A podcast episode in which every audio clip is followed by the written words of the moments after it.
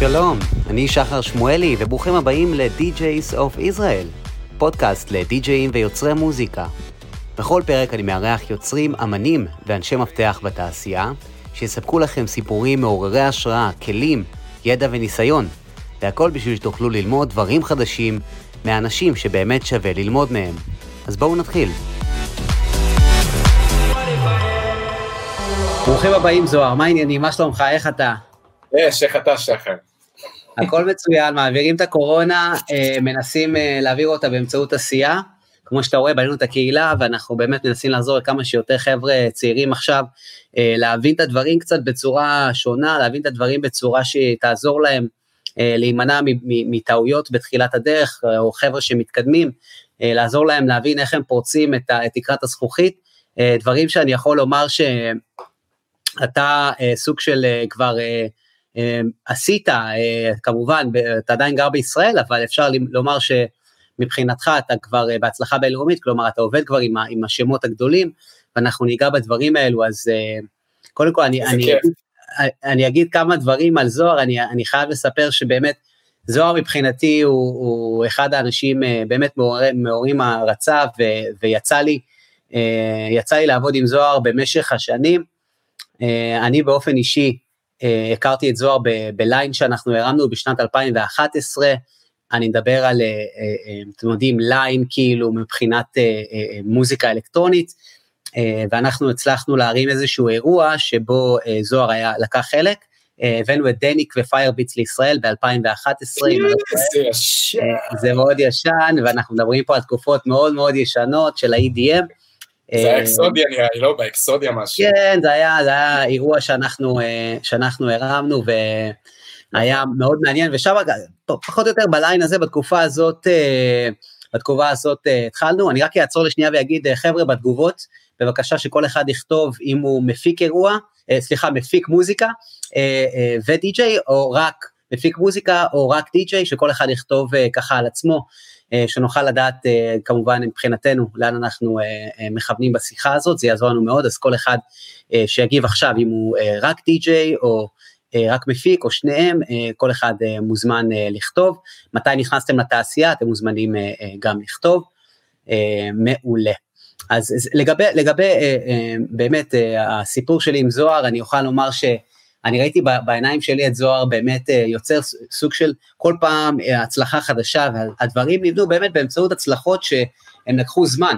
אה, הסיטואציה הזאת שזוהר הגיע למצב שהוא מנגן על טומור, בטומורלנד בבמה, ואני הייתי שם, זה באמת משהו שהוא מבחינתי, עכשיו שאני אומר אותו, יש לי צמרמורות בכל הגוף, כי באמת הפריצת הדרך הזאת ולהגיע למצב שאתה אתה מעורר השראה לכל כך הרבה חברים, אנשים סביבך בתעשייה בישראל, זה משהו שהוא היה מאוד מאוד מעורר העצה בעיניי, וגם לראות את התהליך הזה שזוהר עבר, היה בעיניי אה, סוג של אה, משהו מאוד מאוד מיוחד. במשך השנים אני יכול לספר שזוהר עזר לי מאוד עם, עם העסק שלי, הצורה שבה בניתי את מגה טיקטס, הצורה שבה התחלתי להפיק אירועים, בכלל העובדה שהבאנו את Jay Hardway לישראל, זוהר אמר לי, אתה צריך להביא את Jay Hardway, כולם אוהבים אותו, הוא עושה אחלה מוזיקה, הוא יחסית יחסית מיינסטרים.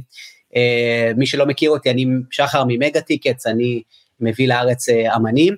אה, ו... אתה עושה עוד הרבה דברים מעבר לזה גם כן. אני עושה עוד הרבה דברים מעבר לזה, תודה רבה, כן, אני עושה תמיד אה, הרבה דברים. אז באמת, אני, אני, אני יכול לומר ש, שלראות את, את זוהר עושה את כל הפעולות האלו, באמת יצר אצלי איזה סוג של השראה, באמת אהבתי לראות את הדבר הזה.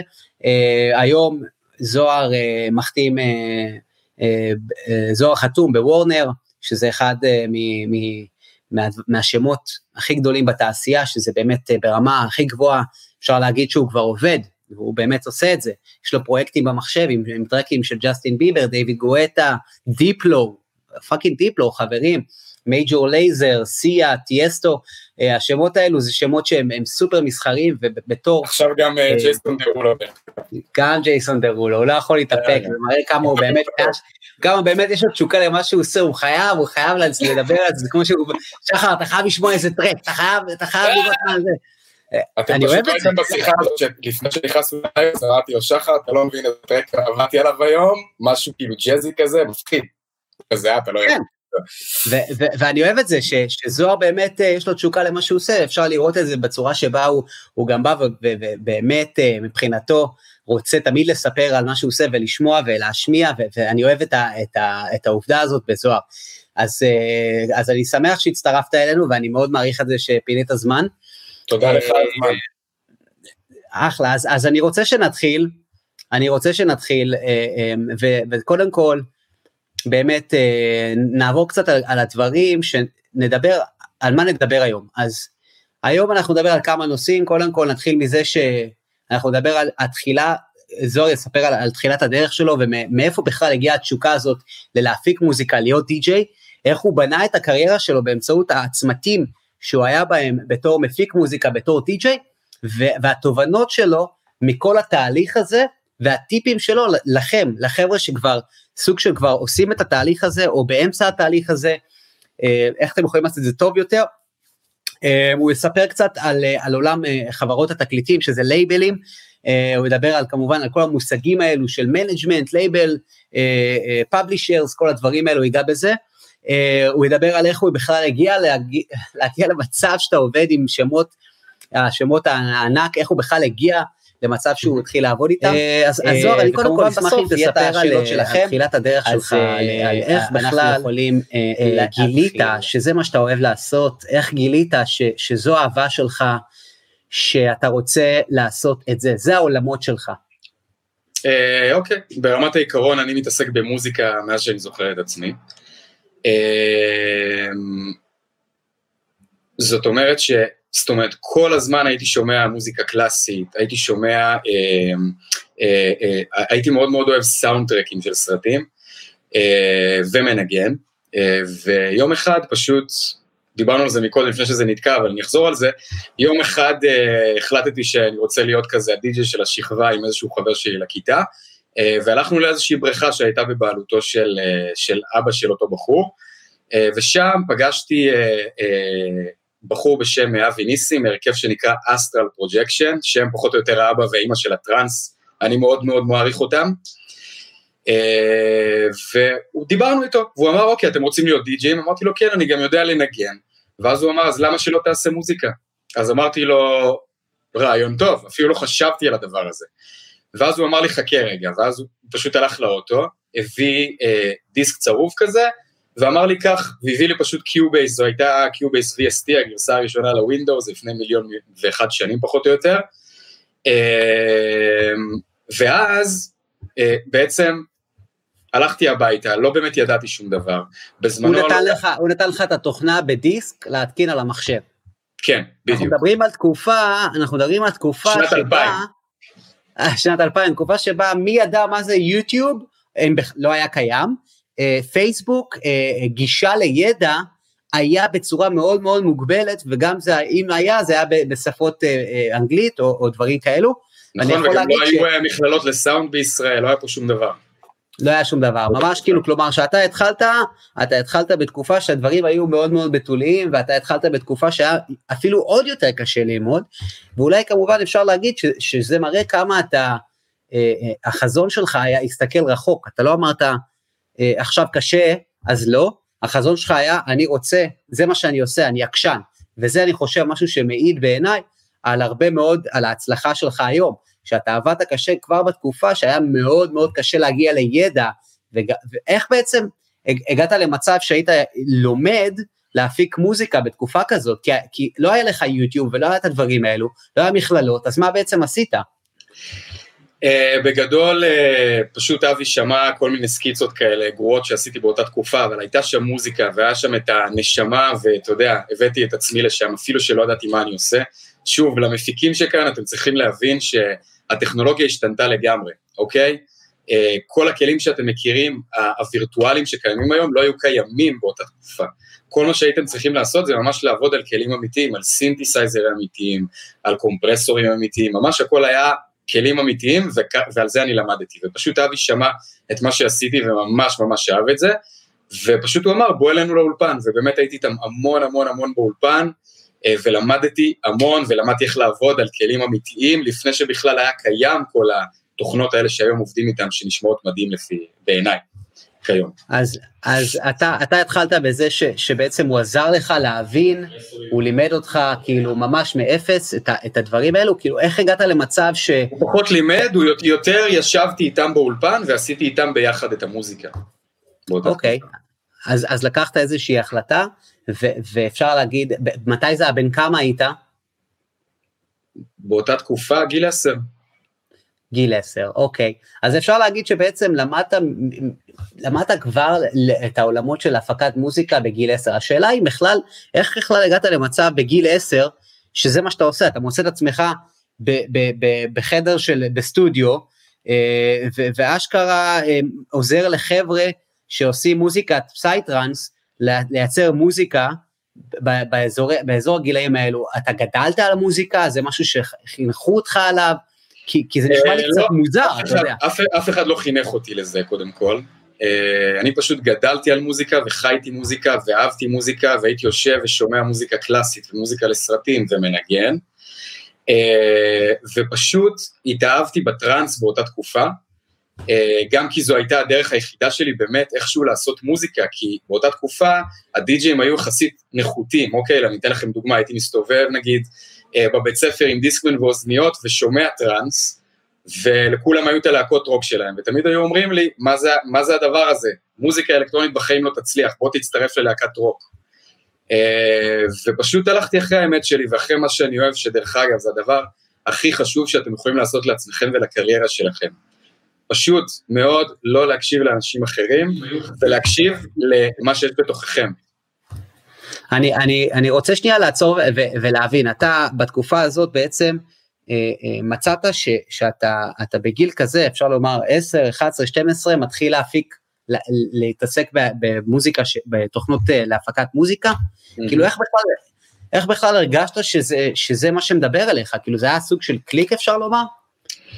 Uh, לא, פשוט היה לי קליק עם המוזיקה, והבנתי שזו הדרך היחידה שלי לשבת לבד ולעשות את המוזיקה שלי, בסופו של okay. אוקיי. דבר. ולא להיות בשותפות עם עוד אנשים, כי, כי זה מצריך איזושהי מין לוגיסטיקה, אוקיי, להביא אנשים, להביא... ומה אה, הלאה, אוקיי, אז, אז, אז אתה למדת, ישבת איתם באולפן, אה, אה, עזרת להם להפיק מוזיקה, ומה הלאה? ואז פשוט הייתי חוזר הביתה ועובד על, על האלבום שלי, שדרך אגב בגיל 14 זה היה גיל, זה האלבום הראשון שהוצאתי.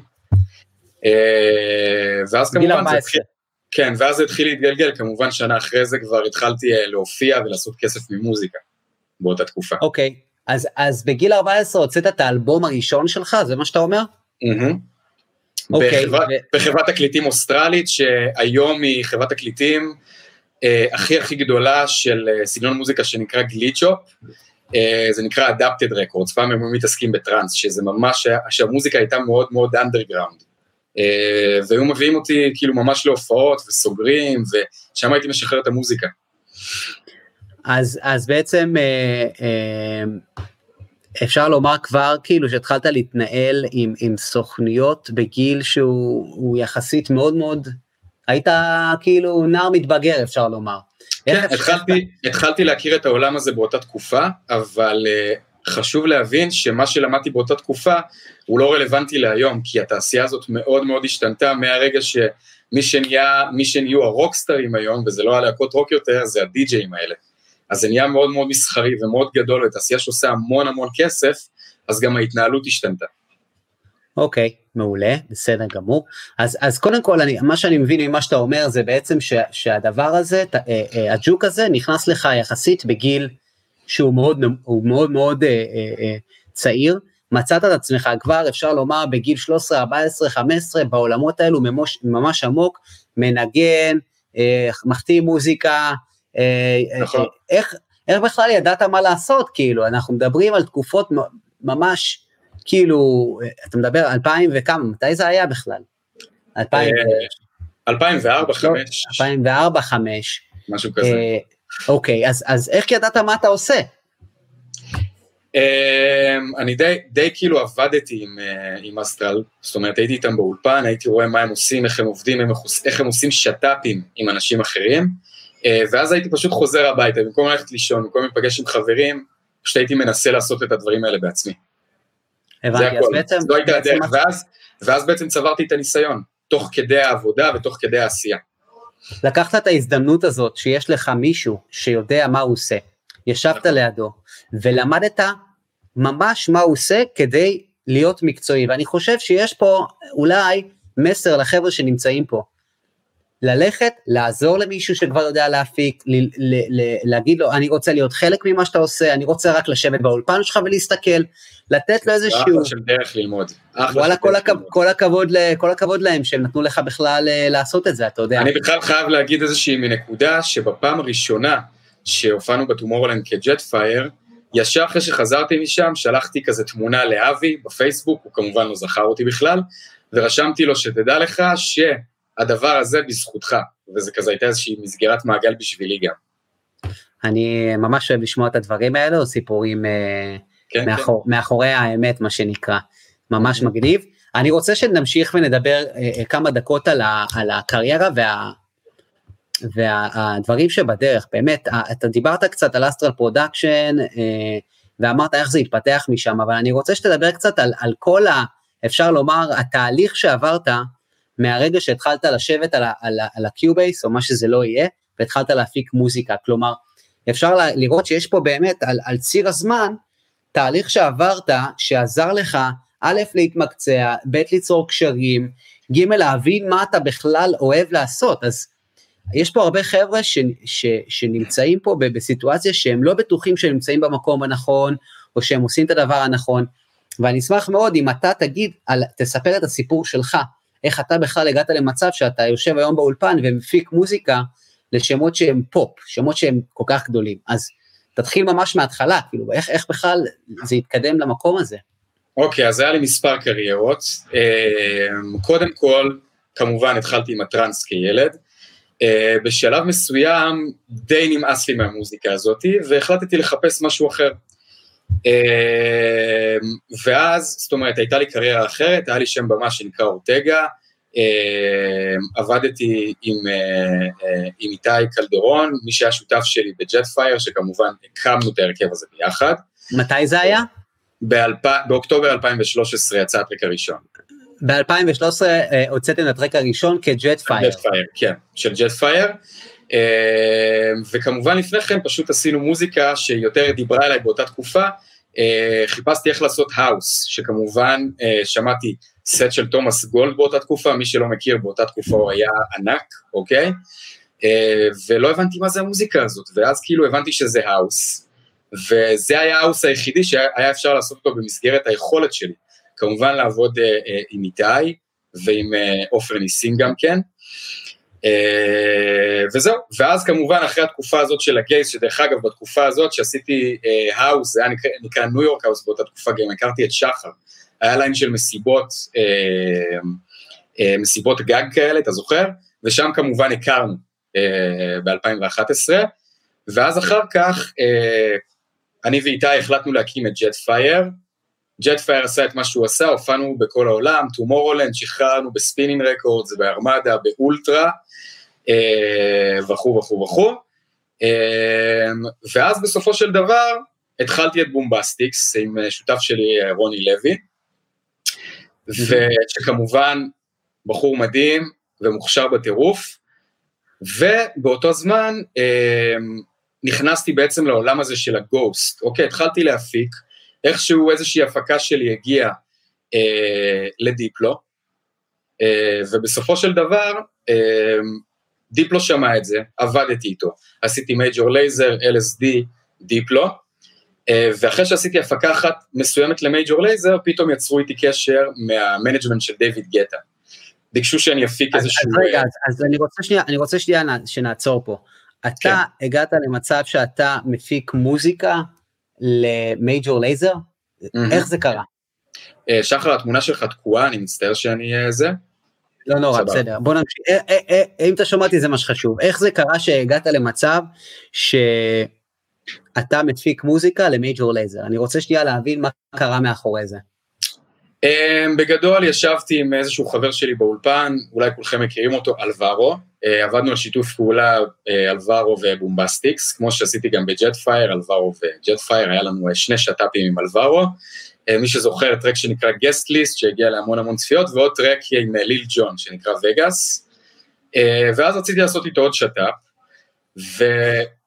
ואלברו הוא גם כן אחד המפיקים של, של Diplo. ואז בדיוק Diplo התקשר אליו בסקייפ, ואז הוא שאל מי אני, ואז הוא אמר לי, פשוט תשלח לי מוזיקה. שלחתי לו מוזיקה, והוא עף על זה בטירוף, על הסאונד ועל הגימורים ועל ה style ועל על כל, על כל הדברים שאני יכול לעשות, ואמר בוא נתחיל לעבוד, ואז הוא נתן לי משימה של Diplo, ועוד משימה של Diplo, ואז משימה של LSD, ואז משימה של Major Lazer, ואז זה פשוט התגלגל והתגלגל והתגלגל עד שעשיתי הפקה מסוימת של Major Lazer שהשיר יצא, וזאת אה, אה, אומרת, נתנו לי הזדמנות, ואז בעצם הקסמתי אותה, נתתי עבודה טובה, עבודה טובה, עבודה טובה, עבודה טובה, ואז פתאום זה הגיע לאוזניים של David Guetta.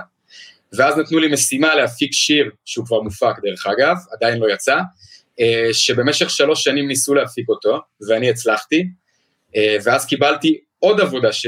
מדיוויד גטה, ואז עוד עבודה, ואז פתאום הגיעו אליי עם דרך ג'סטין ביבר, שכבר, אני עובד עכשיו על שיר שלו, אני כבר עשיתי שניים שעוד לא השתחררו, זה דברים שיצאו אחרי, עכשיו יצא אלבום, אמורים לצאת עוד דברים. אפשר לומר, אפשר לומר שבעצם לקחת מצב נתון, חבר'ה תחשבו על זה רגע, הוא ישב באולפן עם אלברו, הוא יודע שאלברו מפיק מוזיקה אה, אה, יחד עם דיפלו, אה, או לדיפלו בעצם, והוא ישב איתו באולפן, אנחנו מדברים על בחור הולנדי, נכון? כן. ג'ספר. בחור הולנדי. כן, בחור הולנדי שזוהר מכיר מה אתה, שדרך אגב, מעניין גם לדעת איך אתה מכיר אותו, שזה כמובן איך אתה בכלל... ביחד, עשינו ביחד מוזיקה בג'ט פייר, יש לנו שני שת"פים. ציינתי את זה. עשיתם מוזיקה ביחד בג'ט פייר, נכון, אז ברגע שאתה באמת משקיע במוזיקה שלך, והמוזיקה שלך היא ברמה כל כך גבוהה, אנשים רוצים לעבוד איתך, וזה מה שהוא נכון, בעצם, בעצם הדרך להצליח במקצוע הזה, זה שקודם כל, לפני הכל, לפני השיווק, ולפני זה שאתם רוצים להיות אולי על במות ולהיות מפורסמים, ולפני הכל, קודם כל אתם צריכים להיות שלמים עם עצמכם ולהבין שאתם עושים את מה שאתם אוהבים, שזה מוזיקה, ואם אתם תבואו ממקום של אמת ושל מוזיקה ושל יצירה, פשוט דלתות ייפתחו אליכם, אתם לא מבינים, זה ברמה שעוד דבר שגרם לי עוד יותר להתקדם עם דיוויד גטה, זה שיש כמובן עוד מפיקים לדיוויד גטה, אחד מהם זה מייק אוקינס, מי שמכיר אותו, ואני כבר התחלתי לעשות לגטה משהו, ובלי קשר שהתחלתי לעבוד איתו, אז מייק אוקינס שלח לי הודעה באינסטגרם ורשם לי you are a beast, ברמה כזאת, ומסתבר שהוא בכלל שמע איזשהו רמיקס רשמי, you are a beast, כאילו אתה חיה בהפקות, okay. אוקיי. ומסתבר שזה בכלל בגלל איזשהו רמיקס שעשינו ל Infected Mushroom, שיצא ב Spinnin' Records, אה, והוא פשוט מעריץ של Infected Mushroom, והוא אמר לי, בוא, אני רוצה כאילו עוד יותר לה, אה, אה, ש, שנעבוד ביחד, ואז אנחנו גם עובדים ביחד בלי קשר, בעצם, בעצם ה, ה, כן. ה, אפשר לומר שמה שעזר לך להתקדם ו, וכל פעם לפרוץ דברים חדשים זה המוזיקה והאיכות של המוזיקה שלך, שאתה אפשר לומר בלי פשרות, כאילו כל, כל טרק שהוצאת החוצה, הוא היה ברמת גימור הכי גבוהה שיש, ו- ואני גם רוצה שנייה לגעת בעובדה הזאת שאתה בכלל, אתה גם ניגנת בטומורולנד, איך בכלל הצלחת להגיע למצב שאתה מנגן בטומורולנד, תספר להם ככה קצת על, על, על הסיפור הזה? אז אני חושב שאני אלך טיפה יותר אחורה, איך בכלל הגענו למצב ב Jetfire, אוקיי, שהמוזיקה הצליחה. אמ, באותה תקופה, סליחה, אה, גם אני וגם איתי, אה, בעצם אה, הפסקנו לעשות את המוזיקה של ה gays, שמותאמת ל gays, שזה New York house, ורצינו לעשות מוזיקה קצת יותר גלובלית, מה שנקרא. אמ, ואני בזמנו עבדתי על איזשהו רמיקס לדי.ג'יי שנקרא George Acosta, הוא עשה ביחד track עם Miss Palmer, היא עשתה, היא עשתה שיר עם Afrojack, אם אתם מכירים, נקרא No Beef, ועשיתי שם מלודיה מאוד מאוד מאוד יפה. אה, ואיתי אמר, וואי, בדיוק באותה תקופה, אז באותה תקופה יצא Epic, כי מי שזוכר את ה track, זה היה ההתחלה ממש של ה big room, ויצא Cannonball. אה, אז הוא עשה drop בסגנון הזה, ובעצם חיברנו את זה, ואיכשהו הגענו למצב שיש לנו קונספט מוזיקלי, שאז ב Jetfire זה היה מוזיקת עולם, סאונדטרקים אה, אה, ורוק, אוקיי? אה, ואז בעצם לקחנו את המלודיה שלי, את ה drop שלו, חיברנו, ובעצם התקדמנו עם הקונספט הזה של הסאונדטרקים, זה היה track שמעולם לא יצא, הוא היה נקרא Sanctus, אה, ושלחנו אותו ל Spinnin' Records, ישר ענו, הם לא רצו להחתים את ה track בגלל שהם אמרו שה drop מאוד מאוד דומה ל Wakanda של Dimitri Vegas ו Like Mike שיצא באותה תקופה, אבל הם מאוד מאוד מעוניינים מהקונספט. ואז הם ישר אמרו, הקונספט שלכם מדהים, יש לכם עוד track, ואז במקרה בשלוף, היה לנו את ה track הראשון של Jetfire שיצא, שנקרא African Dreams. לא משנה, ואז בעצם... אתה פשוט רץ, אתה פשוט רץ, אני רוצה שנייה להבין, אתם שלחתם את ה track הזה ללייבל, נכון? לאיזה לייבל נכון. שלחתם את זה? ל Spinnin' Records. שלחתם את הלייבל, את ה track הזה ל Spinnin' Records, הם שמעו את זה, הם אמרו שזה אש, אבל זה לא מתאים לש, לשחרור בגלל שיש track שדומה לזה באותו drop, אוקיי? בדיוק. נכון. באותו רגע, מה, מה בעצם אמרו לך? אנחנו כן רוצים שתשלח לנו עוד מוזיקה כדי להחתים אצלנו, נכון? הם אהבו מאוד את הקונספט המוזיקלי. אוקיי, עכשיו, השאלה היא כזאת, אני רוצה להבין, שאתה שלחת להם את המוזיקה ואמרו לך, אנחנו כרגע אה, לא נחתים את זה אצלנו, אבל אנחנו אוהבים את הכיוון. מה, מה עבר לך בראש באותו רגע?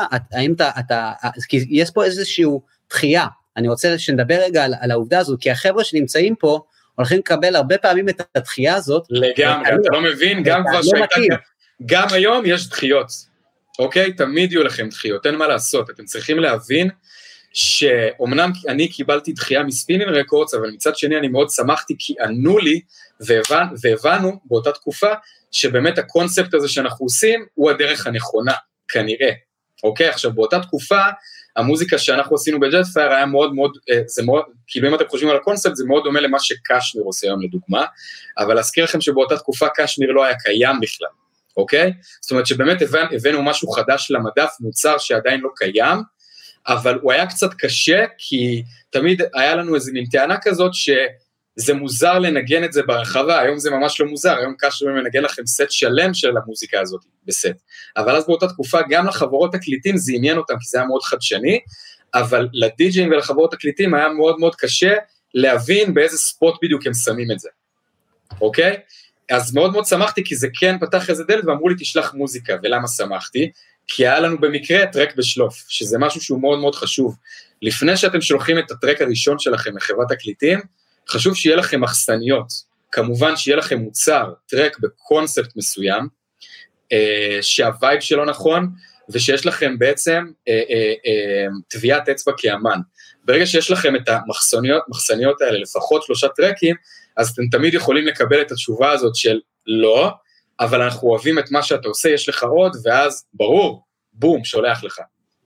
אני רוצה שנייה להבין בעצם מה שאתה אומר לחבר'ה פה. מה שאתה אומר לחבר'ה פה זה תקשיבו, כשאתם שולחים טרקים, עדיף שיהיה לכם כבר ארסנל של טרקים, נכון. איך קראת לזה שכל אחד אה, אה, יש לו את ה... אה, את הטביעת אצבע שלו כאמן. את הטביעת אצבע שלו. אה, עכשיו אני גם אסביר למה.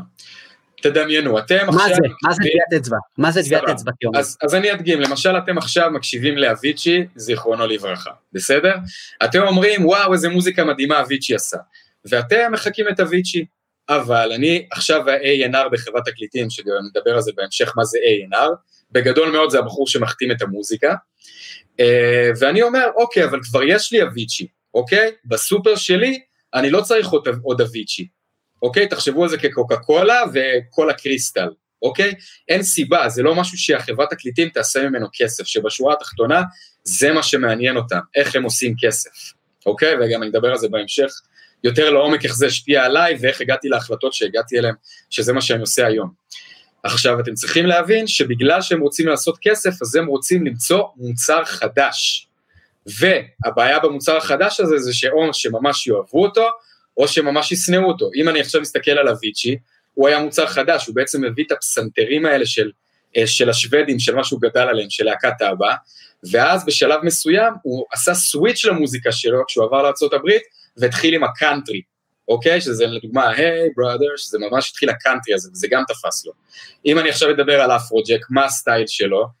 כל, ה, כל ה Dutch הזה, הצפצופים האלה, אוקיי? כל הקשמיר, זה ברור לכם מה, מה הסטייל שלו. בעצם כל מוזיקה שנמצא באמת, כל אמן, אה, Vini Vici למשל, The Tribe, מוזיקה שבטית, psytrance, שעולם לא הכיר אותה באותה תקופה, בגלל זה העולם תפס את זה כמוזיקה חדשה, ש, שזה מדהים בעיניי, אוקיי? אם אתם מצליחים לתפוס spot של משהו שהוא חדש, וזה יכול להיות בסאונד שהוא חדשני, בקונספט מוזיקלי שהוא חדשני, בכל דבר שבאמת אתם יכולים לחשוב שייתן לכם... איך מגיעים למצב כזה? אה, אני יכול לתת כמובן דוגמה מעצמי, אוקיי? למשל, כשאנחנו הקמנו את Jetfire, אז חשבנו בעצם על איזו מוזיקה גדלנו, אוקיי? למשל בבומבסטיקס גם, אני ורוני חשבנו מה אנחנו הכי אוהבים ואיזה מוזיקה גדלנו, אוקיי? שזה למשל הרטרו וה eighties וכל המוזיקה המגניבה הזאתי, אה, והחלטנו ללכת באמת לכיוון הזה, אבל במעטפת של מוזיקה שהיא מסחרית יותר. וכל אמן באמת יש לו את הקטע שלו. הרבה פעמים לדוגמה שאני עובד עם, אה, אה, עם, עם אמן מסוים שהוא גדול, לדוגמה הפקתי עכשיו שיר ל Dimitri Vegas ו Like Mike ביחד איתה, שיהיה להיט מדהים, שיר פופ, ואני כל הזמן קיבלתי ריג'קטים של לשנות דברים, כי זה פחות הסטייל שלהם, זאת אומרת שהאמנים האלה שנמצאים שם, יודעים בדיוק איפה המוזיקה אמורה להיות ואיך הם אמורים להישמע. כי ככה הקהל תופס אותם. ואם אני עכשיו, ואם, סליחה, ואם אני עכשיו חברת תקליטים, הייתי רוצה לדעת על איזה מדע, אם אני שם אותך בסופר כמוצר חדש, או שאני שם אותך כחיקוי של משהו. וזה משהו, חיקוי של משהו, בחיים באמת לא באמת יעשה כסף לחברת תקליטים. זאת אומרת שאולי אתם תוציאו טרקים, אבל הם לא באמת יקדמו אתכם עד הסוף. יש? אה, אני, מבין מה שאתה אומר, ואני, אני, זה, זה מאוד uh, ככה, מפיל קצת אסימונים להרבה אנשים, אני מניח פה, שהרבה מההצלחה תלויה בעובדה שהם מביאים משהו חדש, ומשהו חדש לא, לא מסתיים ב, אה, בעיצוב חדש או קונספט, אלא גם בסאונד והטביעת אצבע שקראת לזה, אה, שיכול לעזור להם באמת כשהם שולחים מוזיקה אה, ללייבלים, הלייבלים יגידו, או רגע, יש פה משהו שלא שמעתי לפני, נכון. שיכול להיות הדבר הבא, וזה לא נשמע כמו מה שזה לא יהיה, דמיטרי וגאס, אביצ'י, כל זה. Uh, מה שכן, אני רוצה שתבהיר, כשאתה אומר, הפקתי מוזיקה לדמיטרי וגאס, אתה מפיק להם את הטרק מאפס, או ש... איך זה עובד? גם אם, לא משנה, לא, לאו דווקא דויד גואטה, כל אומן שאתה עובד איתו. אמ, זה תלוי בסיטואציה. המון המון פעמים, או שאני פשוט מקבל ווקל, אוקיי? למשל, דיוויד גטה עובד עם בחור בשם ג'ורג'יו, שהוא באמת מלחין לו את כל הווקלים מאז ומתמיד, ואת כל הלחנים, ומאז ה-day one של גטה, ג'ורג'יו איתו, אוקיי? אז נגיד מגטה אני מקבל ממש ווקל, שהוא מוגמר או לא מוגמר, אבל איזשהו רעיון, ואז אני מתחיל בעצם לעבוד על, ה, על המוזיקה בעצם. יש אמנים אחרים שאומרים לי, אני רוצה 1, 2, 3, 4, בסגנון כזה. אז אני פשוט מתחיל להפיק, ואז תוך כדי אנחנו באיזשהו מין, באיזושהי מין תקשורת, והם מכוונים אותי יותר למה הם רוצים. אה, אז זה באמת תלוי סיטואציה. אוקיי, מעניין, מעניין מאוד. אה, בסדר גמור, אני חושב, ש... אני חושב שחשוב לי לומר פה שהשאלות, אה, תשמרו אותן לסוף, אה, כל מי שיש לו שאלות, אנחנו בסוף נענה על השאלות. אה, אנחנו, מי שהצטרף לנו עכשיו, אנחנו בלייב עם זוהר ברטוב, זוהר ברטוב מבומבסטיקס, מפיק מוזיקה כבר 20 שנה בתעשייה, אנחנו ככה ממשיכים לשקף הבא. אז אנחנו דיברנו על קריירה והצמתים בדרך, אני רוצה שנמשיך אה, ונדבר על הדבר הבא, שהוא בעצם התובנות שלך על התעשייה, אני חושב שנגעת בזה קצת גם במה שדיברנו נכון. עליו לפני, לפני כמה, ממש ברגעים האחרונים, אבל כן אני הייתי רוצה שתעשה קודם כל סדר לחבר'ה שנמצאים פה, ואם אתה יכול קצת לפרט על כל העולמות המושגים ולעשות להם סדר, מה חייב, מה לא חייב, אה, בעולמות האלו של, של המושגים של מפיקי מוזיקה ודי-ג'אים ופרופורמרים. אוקיי, אז בגדול, אה, כמובן יש performer, אוקיי? אה, שזה בעצם אה, די-ג'יי שמופיע. אה, יש מפיקי מוזיקה, שזה החבר'ה שבעצם יושבים באולפן ומפיקים את המוזיקה, וגם יש דבר שנקרא די-ג'יי performer, שזה סוג של אמן, אוקיי? שאני מפיק את המוזיקה של עצמי ואני מופיע איתה. אה, בין היתר, אה, יש גם אה, סוכני booking, שזה אה, סוכנים שהמטרה שלהם זה כל הזמן להיות בטלפונים ובאימיילים ולסגור הופעות, והם מקבלים אחוזים מההופעה, זאת אומרת, זה התמריץ שלהם. יש management, musical management, למשל אני חתום כרגע אה, עם Warner, זה ה musical management שלי, אה, שהם בעצם, אני נניח עכשיו עושה משהו לאמן מסוים, אה, אז כמובן אני שולח להם את הדמואים אה, של מה שאני עושה תוך כדי, וגם מהם אני מקבל פידבקים. אז יש את זה, יש חברות publishing שגם הם מאוד מאוד עוזרים עם ההתקדמות המוזיקלית ועם הקווים המוזיקליים, ועוזרים גם למצוא ווקלים ולמצוא כל מיני דברים שיכולים לעזור לכם, והמטרה שלהם, המטרת על שלהם זה בעצם לאסוף את התמלוגים מכל העולם, וכמובן לחלק לך אותם. אה, ויש חברת תקליטים, שהמטרה שלה זה להוציא טרק, או אלבום, או מה שזה לא יהיה, ובעצם לקדם או לא לקדם, זה מאוד מאוד תלוי בדיל שעושים בהתאם ל, ל, לאותו שחרור שאתם מוציאים. אם יש לכם חוזה אמן איתם, או שזה שחרור רגיל אה, של טרק מסוים, או איזשהו דיל על כמה טרקים, יש כל מיני דברים בעולם הזה. אוקיי, okay, מעניין. אז, אז בעצם, אה, אה, מכל מה שאמרת עכשיו, מה, mm-hmm. מה שמעניין אותי לדעת זה אם יש איזשהו אה, אה, אפשרות להצליח בלי להיות עם manager, publisher, זה booking agency, אפשר לעשות את הכל לבד? קודם כל לגמרי אפשר, לגמרי אפשר, אה, אבל אה, בעניין ה publishing אני הייתי מציע, גם אם אתם מחליטים ללכת בלי חברת תקליטים, כן תמצאו איזושהי חברת publishing. אומנם הם מתחלקים איתכם באחוזים של התמלוגים ובכספים שאתם מקבלים, אבל זה שווה את זה, כי הם יכולים לעשות עבודה שאתם לא יכולים לאסוף אותה, שזה בעצם לאסוף את המוזיקה מכל העולם, וגם לא יהיה לכם זמן לזה, אתם אמנים, אתם אמורים לעשות מוזיקה. אז זה דבר ראשון. אמ, סוכני booking, כמובן, אתם צריכים לעבוד עם סוכני booking, כי שוב, אתם צריכים להתעסק באומנות שלכם, במוזיקה שלכם ובהופעות, ותנו לאנשים אחרים לעשות את זה, וכמובן תשלמו להם את האחוזים שלכם, אה, את האחוזים שלהם, סליחה, אבל להתקדם ללא חברת תקליטים אפשרי לגמרי. אה, למה זה אפשרי לגמרי? כי היום אה, יצאו פלטפורמות כמו ספוטיפיי, יש את אפל מיוזיק, כל אחד גם בלי חברת תקליטים, נכון? נדבר על זה בשקף הבא לדעתי, על חברות תקליטים. בסדר. כן.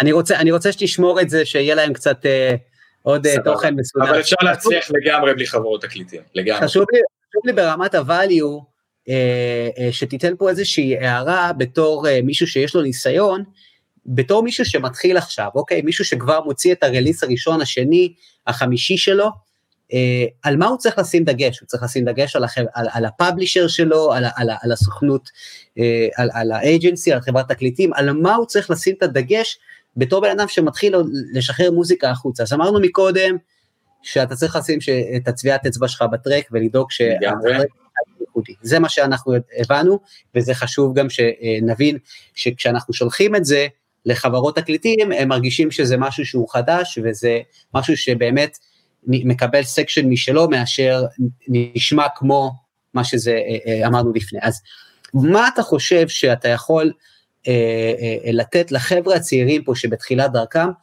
איפה הם צריכים לשים את הפוקוס שלהם? הם לא יכולים לעשות הכל, הם לא יכולים עכשיו להתנהל במיילים עם כולם, מאיפה הם צריכים להתחיל ומה יכול לעזור להם עם זה. אוקיי, okay, קודם כל צריך להיות ברור לכם, הנקודה הזאת, שאתם לא יכולים לעשות הכל, אתם חייבים לעבוד עם צוות, אוקיי? Okay? זה בלתי אפשרי וככה כל העולם עובד, זה דבר ראשון. דבר שני, כמובן דיברנו על זה מקודם, אבל דבר ראשון שאתם צריכים לעשות לפני שאתם מוציאים את המוזיקה שלכם, זה לוודא שהמוצר שלכם מוגמר, שאתם שלמים עם המוזיקה שלכם, שאתם שלמים עם הקונספט שלכם, ושהמוזיקה שלכם באמת עוברת את הרף, שהיא נמצאת ברמה שהיא מספיק גבוהה מבחינת הפקה, מבחינת סאונד ומבחינת כמובן טביעת אצבע וזה שאתם מעניינים, מהסיבה הפשוטה שזה, הקטע של טביעת אצבע זה לא חשוב רק לחברות תקליטים, זה גם חשוב לקהל, חשוב שקהל יזדהה איתכם ויזכור אתכם בגלל מה שאתם מביאים והערך שאתם מביאים. אז קודם כל זה דבר ראשון, אה, וכמובן שיש כל מיני דרכים אוקיי? שאפשר אולי לפרט עליהם בהמשך, של אה, אה, אוקיי. מה, מה אנחנו עושים מהנקודה הזאת בעצם, שיש לנו את המוזיקה ואת המוצר. אוקיי, מעולה, אז, אז uh, אתה יכול לספר איזשהו סיפור על עצמך ש... אני לא יודע, ש... טוב, סיפרת מקודם על, על הטרק. אני יכול לספר המון המון המון סיפורים, פשוט רק תכווין אותי לזה. אני, ו... לא, אני, אני מאוד אהבתי, מאוד אהבתי את הסיפור שמקודם נתת, מי שלא שמע, הוא נתן את ה... הוא גם יכול לשמוע אחר כך את הלייב כי הוא מוקלט, זוהר מקודם סיפר שהוא שלח טרק ל Spinnin' Records, הם שמעו את הטרק, הם אהבו אותו, אבל הם אמרו, תקשיב, זה לא מתאים לשחרור כרגע, כי יש לנו טרק של דמיטרי וגאס שנשמע ככה, אבל שלח לנו עוד דברים שלך, וככה... כמובן באמת... שיש לסיפור הזה המשך, כמובן, אוקיי? כן. אה, אה, בטח הרבה מכם שואלים את עצמכם איך בעצם השגנו את האימיילים האלה ואת כל הדברים ואיך בכלל הגענו לזה. באותה תקופה זה לא היה קליל כל כך למצוא אותם כמו היום, פשוט שנה לפני כן אני נסעתי בעצמי לחו"ל ואני אמ, לא אעלה אתכם יותר מדי בפרטים, זה היה קצת קשוח, אבל בעצם הצלחתי באמת בעצמי להגיע למקומות האלה פיזית ולהשיג את האימיילים לא, לא, רגע, דווקא, דווקא זה לא מה שאני מחפש. זה מה שאני מחפש, אני מחפש את הפלפל הזה, למה לא, לא תגיד, תגיד בדיוק. הפלפל הזה שהייתי מסכן ולא היה לי כסף אפילו לאכסניה, וישבתי אוקיי. כאילו ברחוב. לא, זה לא מצחיק. זה פחות או יותר הפלפל, זה פחות או יותר הפלפל. ככה השגתי את האימייל האלה, את האימיילים האלה, אבל... אני עוצר כי אני רוצה value למאזינים שלנו, וזה חשוב לי מאוד שהם יבינו. זוהר אוקיי. לא הפיק מחר, הוא לא קם בבוקר והתחיל להפיק מוזיקה לשמות ענקיים. הוא עבר משהו, הוא עבר דרך שגרמה לו, שגרמה לו להבין שמה שהוא עושה הוא נכון והוא בדרך הנכונה. וזה חשוב לי גם שתדבר ותגיד את הדברים האלו, כי החבר'ה פה רואים את ההצלחות, הם לא רואים את הדרך שעברת בדרך, ורואים, אתה יודע, מהצד זה תמיד נראה כמו עידן האינסטגרם היום, הכל אינסטנט. חשוב לי שתבינו שהדברים האלו, הם דורשים המון התמדה, המון הקרבה, והנה, זה מה שאחד הדברים שזוהר מדבר עליהם פה, זה בעצם ההקרבה שהוא, שהוא עבר. לגמרי. שהוא, ש, שבעצם איך הסקת את המיילים האלו בתקופה הזאת, אה, אה, מה, מה הסיפור שבעצם עברת שם? אוקיי, אה, אז אני פשוט טסתי לי לאירופה, ובאותו זמן גם הייתי תוך כדי, היה את ה-AD, זה היה ב-2011 או 2012 אני חושב, אז ישראלים עדיין לא הכירו את ה-AD, ממש לא היה שם הרבה אנשים, נגיד מה שאתם רואים היום בארנה, ה-AMF היה באיזה מגרש כדורסל, וזה היה נקרא AD פסטיבל.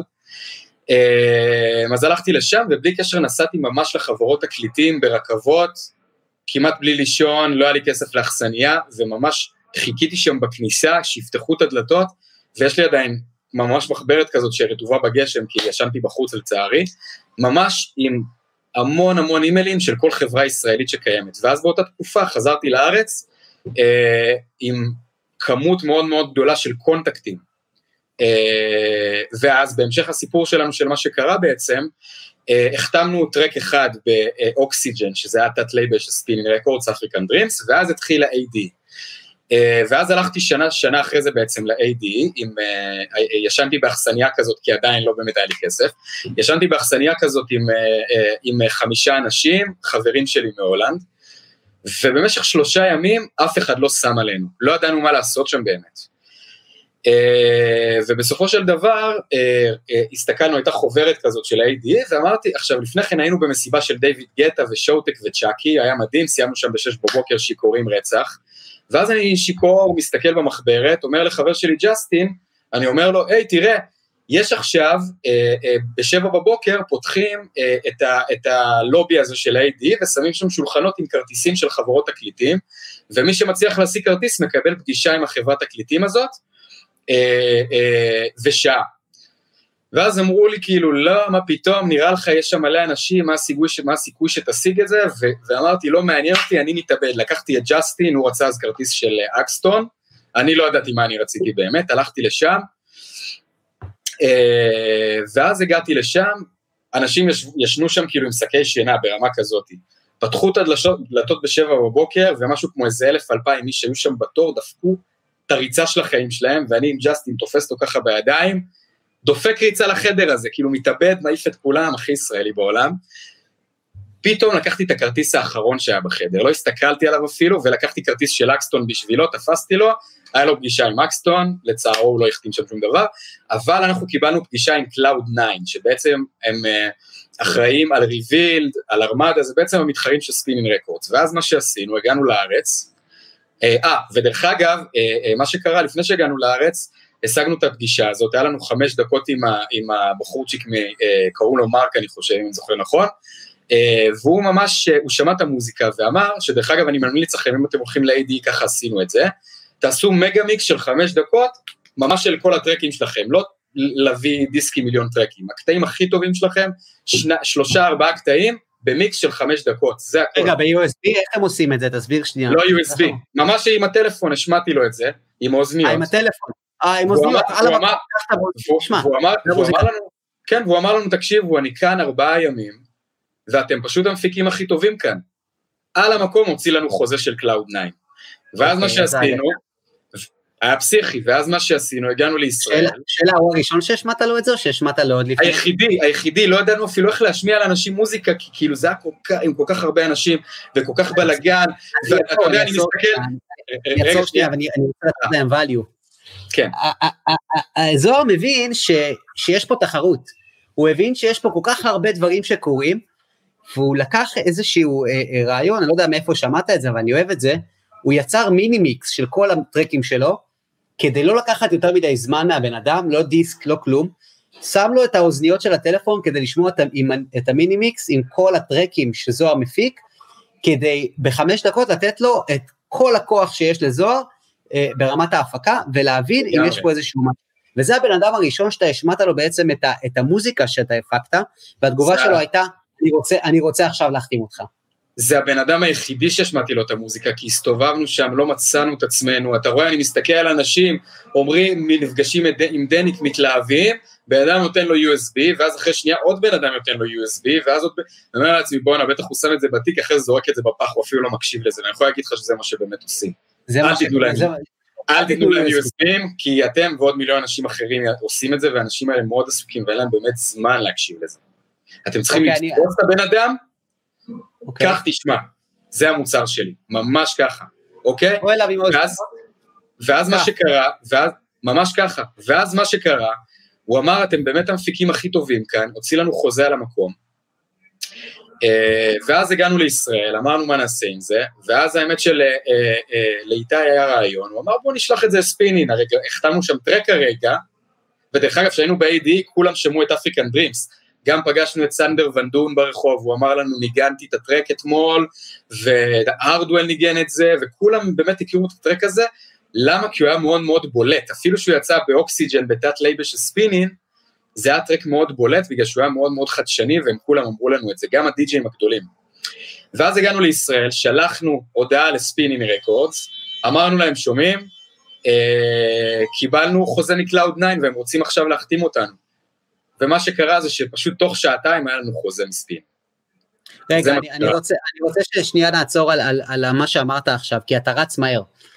זוהר אומר שבעצם המוזיקה שהוא... אה, אה, אה, שהוא הוציא החוצה, התנגנה אצל כל הדי-ג'אים הגדולים, ו, ויצא איזושהי שמועה על, על המוזיקה ש, שהם מפיקים.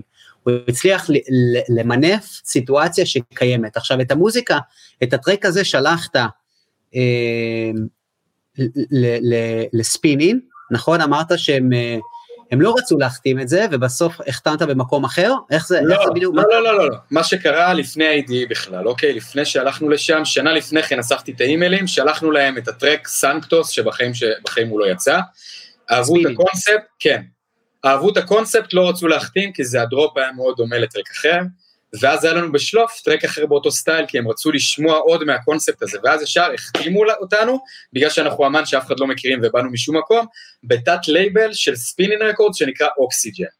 עכשיו, בגלל שזה היה טרק מאוד מאוד מיוחד, אז אחרי זה ב-ADE גם כשפגשנו את האמנים שניגנו את זה, שזה החל מהרדוול עד גריקס עד אה, לא יודע מי, כולם אמרו לנו, כל מי שפגשנו אמר לנו, ניגנתי את הטרק הזה כי זה בלט להם, הרי תחשבו, הטרק השתחרר, והשתחררו מלא מלא טרקים.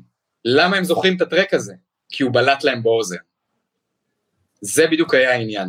ואז מה שקרה, בעצם הבנו שאנחנו באיזושהי מין, באיזושהי מין מלחמה כזאת, אני אצל, כאילו הצלחנו ממש להבין זה שיש איזושהי מין מלחמה בתעשייה, מי עושה יותר כסף. ואז מה שקרה, שלחנו את ההודעה ל Spinnin' Records, שקיבלנו חוזה מ Cloud 9, ותוך שעתיים קיבלנו חוזה מ Spinnin' Records. אה, אה, קיבלתם הצעה מ Cloud 9? זה מה שבעצם אמרת להם? פשוט אמרתי להם, היינו ב-ADE, עפו על המוזיקה שלנו והוציאו לנו חוזה על המקום, וכנראה שאנחנו חותמים איתם, האם יש לכם דיל יותר טוב? ואז ברור שיש להם דיל יותר טוב, למה שהם ייקחו להם אמן, שכבר הוציא אצלם טרק? אה, זה, זה, זה כבר, אני חושב שזה למתקדמים פה חבר'ה, וגם אתם יודעים, באופן כללי בעולם המכירות, ברגע שיש לכם יתרון משמעותי, אה, ואתם שומעים את היתרון הזה בצד, בצד שלכם, זה מה שבעצם אה, זוהר עשה, הוא, הוא הגיע למשא ומתן עם, אה, עם דרישה מסוימת, אני יכול להציע את זה, לקבל הצעה יותר טובה. אם אין לכם מה להציע לי כרגע, אני משחרר את זה אצלהם. אז באותו רגע, Spinnin' Records נלחצו ואמרו אוקיי עכשיו אנחנו מציעים לך את ההצעה הכי טובה שלנו וזה מה שיש לנו ובוא תחתום אצלנו. ואני אוהב את זה. אני יכול לתת לכם עוד דוגמאות אפילו משלב יותר מתקדם שכבר התחלנו עם ה Jetfire והוצאנו מוזיקה והכל. למשל הטרק שהוצאנו בזמנו ברזיל אה, שלחנו את זה ל Spinnin' Records והם אמרו לנו אנחנו טרק טוב אבל הוא נשמע קצת מיושן לא, רצ, לא רצו להחתים את זה. ואז שלחנו לארמדה ואז ה A&R של ארמדה, שדרך אגב אה, היום הוא אה, מנהל את בומבסטיקס, הוא מנהל אותנו ביחד עם ה Sick Individuals ועם עוד אמנים יחסית גדולים. אז הוא בזמנו אמר, וואו, אני ממש אוהב את הטרק הזה, חכו רגע. ואז הוא ממש באותו יום חזר אלינו עם תשובה, שלחתי את הטרק ל-W&W, היה להם בזמנו חברת תקליט, תת לייבל בתוך ארמדה שנקרא Mainstage, ובאותו זמן זה גם התאים, הקונספט, בגלל שבאותה שנה היה מונדיאל בברזיל, אז הם עשו, עשו סביב זה איזה עניין. ומה שעוד יותר מינף את הטרק, הם החתימו אותו, ובזמנו, Head אה, hunterz, למי שמכיר, אה, התחיל לעשות בדיוק big אה, room. הוא עזב את ה hardstyle והתחיל לעשות big room, והטרק הראשון שהוא עשה היה עם W&W, והם פרסמו תמונה באולפן, שבוע לפני Ultra Miami, שהם עובדים על טרק. ואז אחרי זה מה שקרה, פשוט W&W ניגנו את הטרק הזה, את ברזיל, כ-ID, ב mainstage ב Ultra Miami פסטיבל, ו, אה, ואז אחרי זה כל העולם וממש כולם חשבו שזה הטרק של W&W ו-Headhunterz, ברמה שכשהטרק כבר השתחרר, קיבלנו הודעות מה אתם משקרים, זה לא טרק שלכם, זה W&W ו-Headhunterz, ואז אנחנו אומרים להם תסתכל, רשום, אנחנו בכותרת, כי ברמה כזאת, אממ. עד כדי כך אנשים חשבו. ואז באותו יום, ה-A&R של Spinnin' אה, Records שלח הודעה תגידו, זה לא הטרק ששלחתם לי לפני חודש וחצי? ואז כזה, כן. ואז הוא רצה להחתים את הטרק הזה פתאום, אבל זה כבר לא היה רלוונטי. וזה היה דוגמה עם אוקיי. עוד טרקים שהצליחו. Guestlist, הטרק הכי, הכי מושמע של Jetfire, Spinnin' לא רצו להחתים את זה, ו, ופשוט Tiësto החתים את זה ב Musical Freedom, שזה תת לייבל, בתוך Spinnin' Records, ואז לא הייתה להם ברירה. ואם אתם היום מסתכלים בסרטונים החמים, בסרטונים של Spinnin' Records, אתם תראו שזה ממש, ב, אני חושב, ב-15 טרקים הכי נצפים בערוץ שלהם, ברמה הזאת, והם בכלל לא רצו להחתים את זה. אז המסר שלי בשבילכם מכל הדבר הזה, זה קודם כל, לפני שאתם בכלל עושים משהו, תאמינו במוצר שלכם, תאמינו בקונספט, תאמינו במוזיקה שלכם קודם כל, ואז העולם יאמין לכם. או שהוא יאמין לכם או שהוא ממש ישנא את זה, זה שני האופציות, אבל זו הדרך... אני חושב שאם מישהו ממש שונא את מה שאתה עושה, זה אומר שמישהו אחר יאהב את זה, או שבסופו של דבר יאהבו את זה. אה, כמובן, בדיוק, אה, יש דיבור עליך. אה, ברמה שזה מקצועי. אני אוהב את, את, את התובנה הזאת, ואני חושב שהיא מאוד מאוד חשובה. אני אוהב את הסיפורים גם על, על איך אה, אתה כבר מדבר במונחים של אני מחתים שם, אם לא שם אני מחתים פה, וזה, וזה מראה שאתה כבר נמצא בשלב אחר במשחק. נכון, החבר'ה שמאזינים לנו, ב state of mind שלהם, הם ממש בהתחלה שלהם, אז אין להם את ה-leverage, את, את היתרון שלך יש, להתחיל לעשות מסעים. כן, אבל להזכיר, להזכיר לכם, להזכיר לכם שגם אני, אמנם היו לי קריירות לפני זה, אבל uh, אנחנו התחלנו מאפס גם כן. התחלנו מאפס, מהרצפה, מה, מה, מרחוב, מזה שלא רצו לסגור אותנו אפילו להופעה של 800 שקל, ברמה כזאת כשהתחלנו את ההרכב הזה. אוקיי? ובסופו של דבר, אה, אה, המוזיקה היא זאת שדיברה. עכשיו, לחבר'ה המתחילים, המסר שלי אליכם זה להאמין במוצר שלכם בצורה עיוורת. להאמין במוצר שלכם, וזה מה שייתן לכם את הדרייב להתאבד עליו. למי שכאן היה בצבא, אתם יודעים מה זה אומר להתאבד על, על, על העקרונות שלכם, וזה, ואם זה אומר לוותר על אזור הנוחות שלכם, ולוותר על יציאות עם חברים, ולוותר על לא משנה מה, לוותר על חברה ולזרוק גם חברה שמפריעה לכם לעשות מוזיקה, גם זה היה לי, ממש ברמה הזאתי. כל מה שמסיט אתכם מהדרך, כל מה שמסיט אתכם מהמקום הזה, אתה פשוט תזיזו אותו ותשאירו את האנרגיה ביצירה וכמובן בחיים, מי שצריך לעבוד וכאלה, מי שגם כמובן עכשיו חייל משוחרר וכאלה יכול באמת למצוא איזושהי עבודה באיזה אה, אבטחה, יכול להרוויח את המשכורת שהוא היה מרוויח בתחנת דלק, ויכול באמת בלילה כשהוא שומר, באמת לעשות, לעשות דברים עם המחשב, אני גם עשיתי את זה בתחילת ג'ט פייר, מהסיבה... אני, אני, רגע, אני רוצה להגיד, אני רוצה לעצור פה בחלק הזה, במה שאתה אומר עכשיו. הוא אומר, קחו מצב נתון, אתם, אה, אה, יש לכם עבודה כלשהי, שאתם כן יכולים למנף את הזמן ולהיות בלפטופ, שבו עם אוזניות, לגמרי, לגמרי, כל שנייה שאתם יכולים לעשות. תאזינו, אתם יודעים מה? אין לכם מחשב. תפתחו יוטיוב בטלפון, תלמדו, תלמדו איך לעשות מוזיקה, תלמדו כישורים. כל דבר שיכול לקדם אתכם, באמת, בכל שנייה שאתם בחיים האלה, ואתם יכולים להתקדם ממשהו, וללמוד ממשהו, ולעשות משהו שקשור לדבר שאתם הכי רוצים ושהנפש שלכם רוצה, זה מה שאתם צריכים לעשות בסופו של דבר. אני, אני, אני אוהב את זה ואני מסכים עם זה, אני ככה... ודבר נוסף, דבר נוסף, זה גם אה, אה, פגשתי פעם אחת, אה, פה בישראל, שניגענו באילת לפני Dimitri Vegas ו Like Mike, דיברתי קצת עם מייק, וזה לפני שהכרתי אותם הרבה יותר טוב כמו שאני מכיר אותם היום, אבל הוא דיבר איתי והוא אמר לי, תשמע, אם אתה מתעסק בדברים שלא קשורים למוזיקה, תפרוש מהמקצוע הזה. זה משפט מלייק מייק בשבילכם. כן. אה, אני אוהב את זה. אה, אנחנו ממשיכים. אה, אני רוצה, אני רוצה שתדבר על יתרונות שקיימים כיום בתעשייה. אנחנו נמצאים בשנת 2020, היום אנחנו, אנחנו מקליטים את הוובינר הזה באמצע קרייסס של הקורונה, כולם בבית, בגלל זה גם אני שמח מאוד שאנחנו עושים את זה, שאנחנו יכולים לתת value לכמה שיותר אנשים שהם כולם מול המסכים.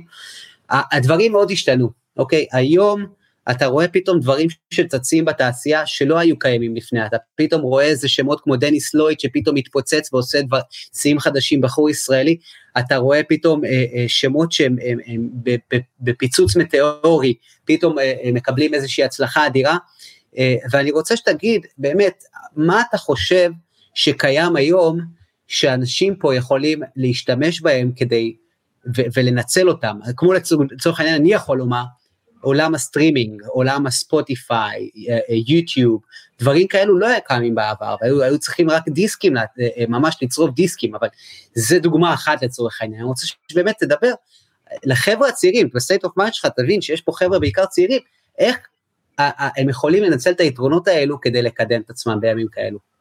אוקיי, okay, אני חושב שמה שאני אעשה, אני בעצם אקביל את זה לתקופה שאני הייתי מתחיל, שאני התחלתי לעשות מוזיקה. אמ, באותה תקופה באמת לא היה איפה ללמוד, לא היה פה בישראל יוטיוב, לא היה גוגל, לא היה בתי ספר לסאונד, לא היה שום דבר. והדרך באמת הייתה לקדם את המוזיקה, כדי להגיע לאנשים האלה היית צריך ממש ללכת פיזית עם דיסק צרוף, ולהשמיע לכם, להם את הדבר הזה. וגם מה הסיכוי שהם היו עונים לכם, הייתם צריכים לקבוע פגישה, שוב, לא היה פייסבוק, לא הייתם יכולים לשלוח הודעה לכל מי שבא לכם, אה, זה היה אחרת. מצד שני, מה שהיה מאוד מאוד טוב, זה שהשוק לא היה מוצף באנשים, כי זה לא היה כזה קל, והציוד של האולפן היה הרבה יותר יקר ממה שהוא היום, למשל, ברינגר B2030, זה היה המוניטורים הראשונים שלי, היום הם שווים אולי איזה אלף שקל, אז בזמנו הם עלו איזה מלא, אוקיי? והכסף אז היה שווה הרבה יותר מהיום, דרך אגב. אה, אז הכל היה הרבה יותר קשה, ואני חושב שמהחוסר הזה שהיה, אז אה, גם בעצם אה, קיבלתי את האופי הזה של אין לי דרך להתקדם, מה אני צריך אשכרה לעשות? ואף אחד לא כיוון אותנו, ואף אחד לא כיוון אותי, ואף אחד לא אמר לי מה לעשות, פשוט עשיתי. ואני חושב שהיום יש המון המון המון המון יתרונות שלא היו פעם, אוקיי?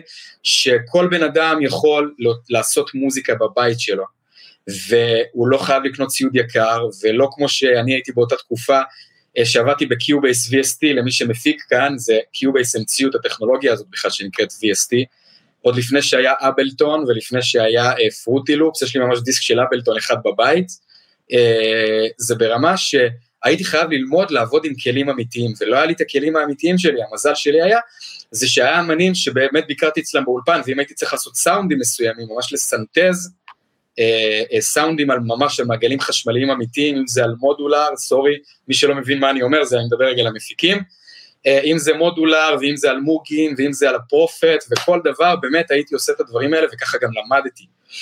אה, ועל קומפרסורים אמיתיים, אה, והיום באמת יש לכם כלים שהם וירטואליים לגמרי, שאתם לא חייבים לעבוד עם כל האנלוג הזה, כן? הם נשמעים מדהים, ויש המון המון אנשים שנשמעים וואו ועושים מוזיקה in the box, גם אני עובד in the box לגמרי, in the box זה אומר רק עם התוכנות שיש לי, אה, אלא אם מדי פעם אני מוסיף קצת אה, דברים אנלוגיים, אבל זהו, אם אני צריך. אה, וגם בעניין של, של הקידום של המוזיקה, היום יש לכם אינטרנט, אתם יכולים להגיע לכל בן אדם, אתם יכולים להמשיך לעבוד, אוקיי, אני אמנם די-ג'אים לא עובדים, אין הופעות, גם אני, התבטלה לי המון עבודה אה, עם די-ג'אים ענקיים שאמרו לי, אוקיי, הטומורלנד מבוטל, אנחנו לא יודעים מתי יחזרו הפסטיבלים, תעשה לנו עכשיו מוזיקה של פסטיבלים, אולי זה לא יהיה רלוונטי, אז אין מה לעשות עם זה, אז עכשיו אני עושה בעיקר רדיו, אוקיי?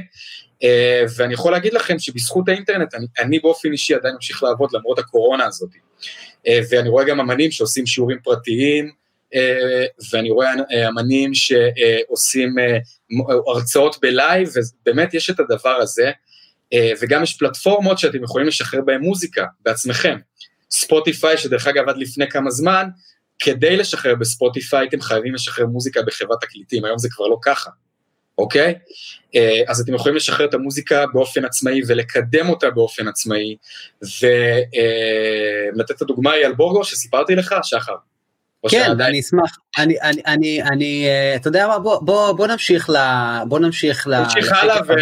ואנחנו אני, נתקדם. אני, אני כן, אני כן ככה אחזור על מה שאתה אמרת, ו, ואני חושב שמבחינת היתרונות שאמרת שקיימים היום בתעשייה, אני חושב שהרבה הרבה חבר'ה פה, צריכים להבין שנמצאים בעידן שבו דברים יכולים להתפוצץ מהר, דברים יכולים להיות ויראליים, אתם יכולים להעלות פתאום את, ה, את הטרק שלכם, את הטרק שלכם לטיק טוק, ופתאום מיליוני משתמשים בכל העולם משתמשים בטרק שלכם, ופתאום יסגרו אתכם להופעות בכל מקום, זה דוגמה אחת לאיזה ראפר שהצליח בארצות הברית בצורה הזאת, שזה בעיניי, זה להבין מצב נתון, למנף אותו בצורה הטובה ביותר.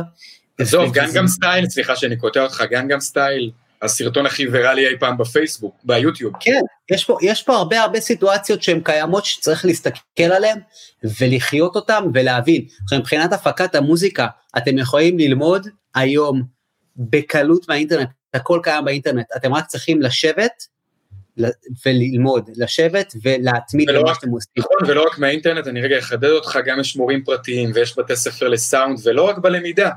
גם בעבודה עצמה אתם כבר לא צריכים לקנות ציוד יקר, אתם יכולים להיות אה, אה, אה, בחור שהשתחרר מהצבא ואין לו גרוש על התחת, אבל יש לו מחשב, אוזניות ותוכנה, הוא יכול להפיק ככה, אני יכול להגיד לכם שג'יי ארדווי עד היום, מי שמכיר את ג'יי ארדווי, הוא יושב בספה שלו בחדר, אין לו אפילו אקוסטיקה, עם אוזניות ולפטופ, ככה הוא עשה את כל הטרקים שלו.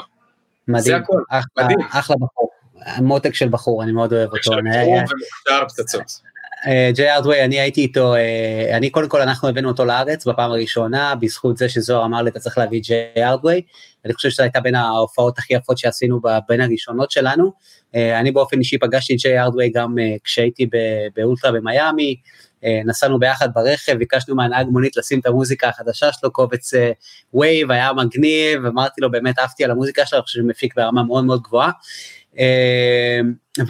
ובאמת, אני חושב שנגענו בנושא הזה, בואו בוא נתקדם ונדבר קצת יותר בהרחבה על לייבלים, אה, על חברות תקליטים, אוקיי? אה, אני, רוצה, אני רוצה שבאמת תגיד איך אתה, אה, אתה ב, ב, ב, כ, כזוהר, איך אתה יצרת את, ה, את השקל הראשון שלך ממוזיקה, אה, איך אתה בעצם אה, אה, אה רואה את שלב שליחת הדמו, אני חושב שזה רלוונטי להרבה חבר'ה שנמצאים פה, ששואלים איך אני שולח את המוזיקה שלי, איך אני בכלל מגיש אותה, למי אני מגיש אותה, איך אני עושה את זה נכון, ואם יש לך פה איזה שהן תובנות שאתה יכול לשתף בנושא הזה, זה יכול לעזור המון המון לחבר'ה האלו, בכלל כל ההתנהלות מול לייבלים, מול חברות תקליטים, איך עושים את זה בצורה הכי אופטימלית, אה, ואיך עושים את זה בצורה שהיא, מה שנקרא, ממקסמים את, את הטרק. יש לי טרק, ייצרתי אותו, איך אני ממקסם אותו עד הסוף. אוקיי, אז במה הייתם מעדיפים שאני אתחיל? בואו אני אשאל אתכם, תגיבו לי רגע. אה, אנחנו, אנחנו נחכה שאתם אה, תרשמו לנו מבחינתכם על אה, חברות תקליטים, מה, מה כן, כמובן, מה כמובן, כמובן, כמובן, מה הייתם רוצים לדעת, יש גם שאלות בסוף, אבל האם, האם הייתם רוצים שאני אתחיל אה, בנושא החברות תקליטים, או בנושא השני ששחר דיבר עליו? שזה הדמואים. אז, אז, אז יש קצת דיליי, אז ייקח להם רגע שנייה להגיב. אין שום בעיה. אנחנו, אנחנו רוצים לדעת אם יותר מעניין אתכם באמת לדעת על, על נושא הלייבלי, על הלייבלים, חברות תקליטים באופן כללי, או ספציפית על שליחת דמו או מוזיקה שלכם ללייבלים עצמם. אז, אז אני קודם כל גם אגיד תודה רבה לכל מי שאיתנו, תודה רבה לכל מי שהצטרף, אנחנו DJs of Israel, אנחנו כאן עם זוהר ברטוב מבומבסטיקס, ותודה רבה לכל מי שהצטרף. לא לשכוח להצטרף אחר כך לקבוצת DJs of Israel, כל מי שהוא מפיק מוזיקה, DJ, תודה רבה שהצטרפתם. יש פה איזה בחור ש... יש פה כמה, כן, כולם, כולם פה רושמים, אנחנו רוצים לדעת על שליחת דמו, איך לשלוח דמו בצורה נכונה, רלוונטי לכולנו, זה באמת רוב השאלות של איך לשלוח דמוים, זה, הם יותר, יותר, יותר רוצים לשמוע על זה, אני מאוד אשמח אם תפרט. אוקיי, okay, אז קודם כל חשוב מאוד לתמצת, אוקיי? Okay? ה-ANRים האלה, ANR, שוב, אני חוזר על זה, דרך אגב, אני מתנצל אם יש קצת רעש, פשוט פה מאחוריי בכיכר רבין יש איזה, לא יודע מה הם עושים, אה, אז מתנצל על זה. הכל טוב. אה, אוקיי, אה, קודם כל לתמצת, בסדר? תחשבו שה-ANRים האלה מקבלים אלפי הודעות ביום, אלפי טרקים ביום, אוקיי? ואם עכשיו תשלחו להם אימייל חופר, היי שלום, אני שלומי, ויש לי טרק כזה, ואני גר ברמת גן, ויש לי... זה לא מעניין אותם. אתם אומרים, היי, אני XYZ, או את ה-AKA, הפרויקט שלכם, ולינק. האם הייתם מעוניינים? זה הכל. אוקיי? הם לא רוצים חפירות, הם לא רוצים שום דבר, וגם אם הם לא עונים לכם, אל תחפרו להם, תחכו, תנו לזה שבוע וחצי, שבועיים, תשלחו להם kindly reminder, ככה זה נקרא. רגע, אני, אני, רק, רק אעצור אה, פה, חבר'ה, מה שזוהר אומר זה אל תחפרו להם, יש להם מלא מלא מלא רעש מסביב, וזה לא מעניין אותם עכשיו להתחיל שיחות עמוקות. כשאתם שולחים את הדמו שלכם, אתם שולחים אותו עם שורה אחת שאומרת, שלום, זה הטרק שלי, אה, שלום, אני ככה וככה, שם הבמה שלי ככה וככה, שמים את הלינק, האם יעניין אותך? זהו. בדיוק, would you uh, uh, uh, be interested, או, או משהו כזה, בסגנון הזה, אוקיי? האם תהיה מעוניין? האם תהיה מעוניין?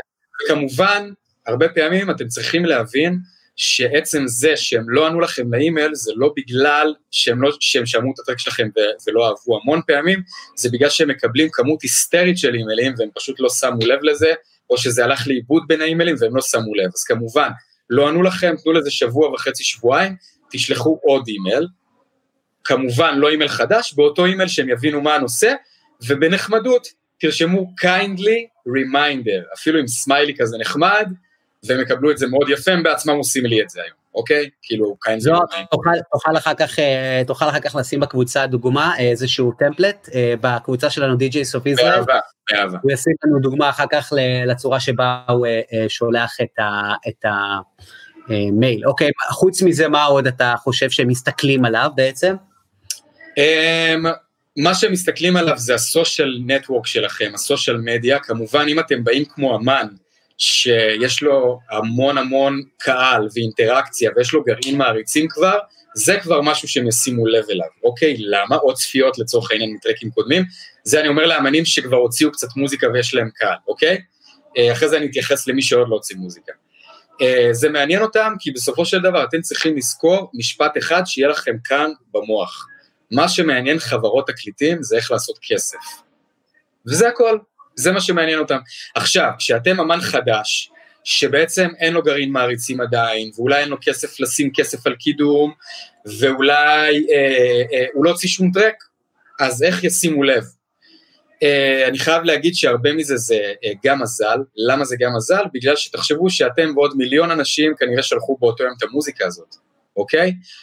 תזכרו תמיד, עד שהם לא ענו לכם ואמרו לכם לא מעוניינים, פשוט תמשיכו לשלוח, תנו לזה שבוע וחצי, שלחו תזכורת. לא ענו, תנו לזה עוד שבועיים, תנו להם תזכורת. לא ענו, תנסו חברת תקליטים אחרת. הרבה פעמים אני יכול... אני יכול לתת לכם דוגמה, נגיד הרבה פעמים, אה, אה, סתם לדוגמה, guest אה, list, אה, אוקיי? הטרק הזה שהיה, ש... אתם יודעים מה, אני אתן דוגמה אפילו מבומבסטיקס למשל, אוקיי? אה, רצינו להחתים, יצא לנו טרק עם טוני ג'וניור ב Musical Freedom אצל טיאסטו, שזה תת לייבל ב Spinnin' Records, ועם הוקס ביחד, חבר'ה ישראלים מאוד מאוד מוכשרים. אה, ובהתחלה שלחנו את זה אה, ל Spinnin' Records, הם לא ענו, לא ענו, למרות שאני כבר בתקשורת איתם, כן, הם לא ענו, אולי פספסו את האימייל, קורה. ואז אחר כך שלחנו את זה לחברת תקליטים אחרת, גם כן לא ענו. ואז אחרי משהו כמו חודש, פתאום ה-A&R של Spinnin' Records ענה, ואמר, וואי, אני ממש אוהב את זה, הוא נזכר אחרי חודש, הוא פתאום עבר על האימייל הזה כנראה במקרה, ואמר, אני ממש אוהב את זה, אבל זה לא, זה לא הקו שהלייבל כרגע הולך איתו, אבל אני אשלח את זה לטיאסטו, שלח את זה לטיאסטו, טיאסטו אהב, תחתים, זה הכל. אז אתם צריכים להבין שגם המון המון המון פעמים, גם לי, הם לא עונים אולי מסיבה כי הם לא שמו לב, אולי כי הם היו בחופשה או כי הם לא עובדים בימי ראשון, תזכרו את זה תמיד, אוקיי? לא לשלוח בימי ראשון בחיים, כי כנראה שהמון אנשים שלא יודעים את זה, שולחים בימי ראשון, וכנראה מאז שלחו להם עוד הרבה הרבה אימיילים.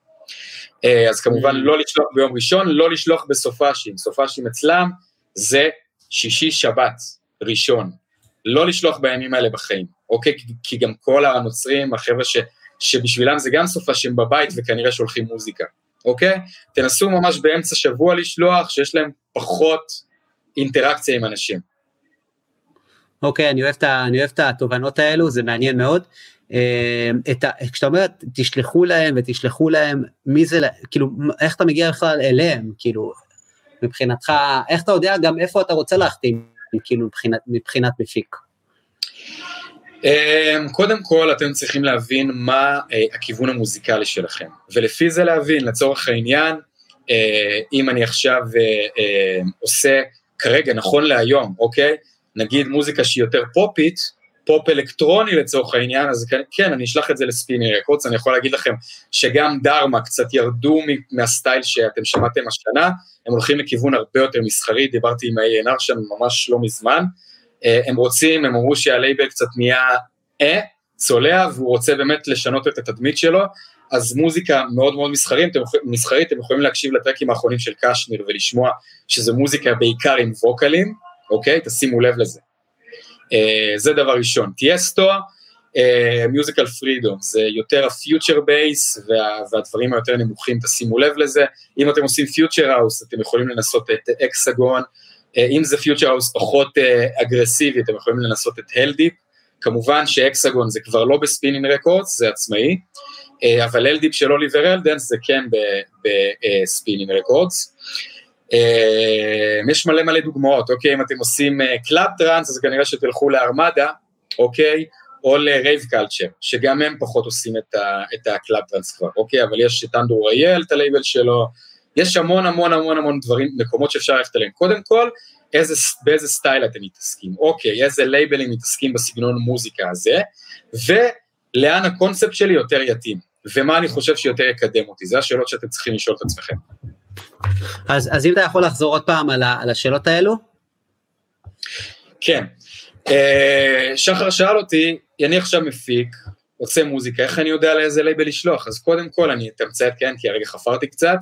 אה, לא, רק לחזור, על, רק לחזור על השאלות שאמרת שצריך לשאול את עצמך בסוף, אתה אמרת, אתם צריכים לשאול את עצמכם כמה שאלות. זה, זה מה שאני רוצה שבאמת החבר'ה פה יבינו, כן. אה, ייתן להם איזה קצה חוט. אז אתם צריכים בעצם לשאול את עצמכם, מה המוזיקה שאני עושה, קודם כל מה ה title, אוקיי, אם זה club trance, אם זה hardstyle, אם זה big uh, room, אם זה פופ, אם זה דברים, לא משנה מה, אוקיי, ואז אתם מבינים איזה חברות תקליטים בעצם מוציאות את הסגנון מוזיקה הזה. אוקיי, לדוגמה, אני עושה future house, אני יכול להוציא או ב Hexagon, או ב Future House Music, שזה גם דרך אגב שייך ל Spinnin' Records הדבר הזה, וזה אחלה של ערוץ, אה, או אם זה מוזיקה יותר נמוכה, אז אולי ל Heldeep, שזה גם שייך ל Spinnin' Records, Hexagon לא שייך ל Spinnin', זה עצמאי כרגע, אוקיי? זה בלי קשר שתדעו. אה, אז קודם כל, אתם עושים title מסוים, עכשיו לצורך העניין, אני אפשט את זה בצורה אחרת, אני נגיד עושה big uh, room, או, או מוזיקה, מוזיקת מועדונים, ואני עושה דברים שהם יותר uh, מוזיקת עולם, או יותר uh, סאונד טרקים כאלה, אז כמובן שאני צריך לשלוח את זה לדרמה, כי זה הסגנון מוזיקה שהלייבל מציג בעצם. ואתם צריכים גם כמובן לשאול את עצמכם מה יותר יקדם אותי, איזה חברת תקליטים יותר תקדם אותי. או שאתם צריכים, יכולים לשאול את עצמכם שאלה כזאת, אוקיי, אני זה הקו שלי, החתמתי נגיד במיוזיקל פרידום, ואני יודע גם שלמיוזיקל פרידום יש במות, אם זה בטומורלנד, אם זה באולטרה, אם זה ב-EDC, בכל מקום אפשרי, ואתם אומרים, אוקיי, אולי אני אצור מערכת יחסים עם החברת תקליטים הזאתי, כלשהי, שאני אוציא שם מוזיקה, ואני אהיה אמן מוכר בתוך החברת תקליטים הזאת, ובאמת אני אופיע במקומות האלה גם, זה דרך מאוד מאוד טובה להשיג את הבמות האלה, שרק שתדעו. אוקיי, אז, אז, אז הטאץ', הטאץ' uh, כדי להגיע למצב שאתה באמת uh, מבין באיזה חברת תקליטים אתה צריך לשחרר את המוזיקה שלך, אני קודם כל אלך שתי צעדים אחורה, החבר'ה פה הם מתחילים, הם רוצים להבין מה הסגנון, מה הקו מוזיקה שלהם, מה, תחת איזה קטגוריה הם נמצאים, משם הם צריכים להתחיל, זו השאלה שהם צריכים לשאול את עצמם, אחר כך הם צריכים לה, להמש, להמשיך עם השאלה של האם איזה לייבלים נמצאים תחת הקטגוריה הזאת, ואיזה לייבלים הכי מתאימים וייתנו לי את ה-value הכי טוב, ומן הסתם, שהם ישלחו את זה ללייבלים, והם, לא, ו, ו, ויש כאלו שגם לא יקבלו מענה. מה עושים כשאין מענה? מה עושים כשאף אחד לא עונה לך, או שאם עונים לך, אומרים לך זה לא טוב.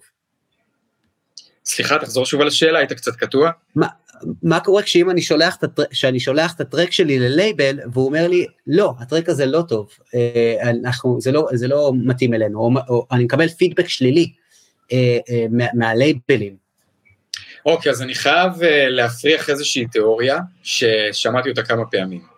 אין דבר כזה נקודות רעות או נקודות, כאילו נקודות טובות תמיד יש, כן? אבל אין דבר כזה נקודות רעות. אם אתם שלחתם מוזיקה לחברת תקליטים כלשהי או לאמן כלשהו, אוקיי? אל תפחדו לשלוח את זה ואל תפחדו מלא, כי בואו נתחיל מזה שהם לא יזכרו אתכם אחר כך במידה והם אמרו לכם לא, אז זה בסדר לשלוח להם שוב, אוקיי?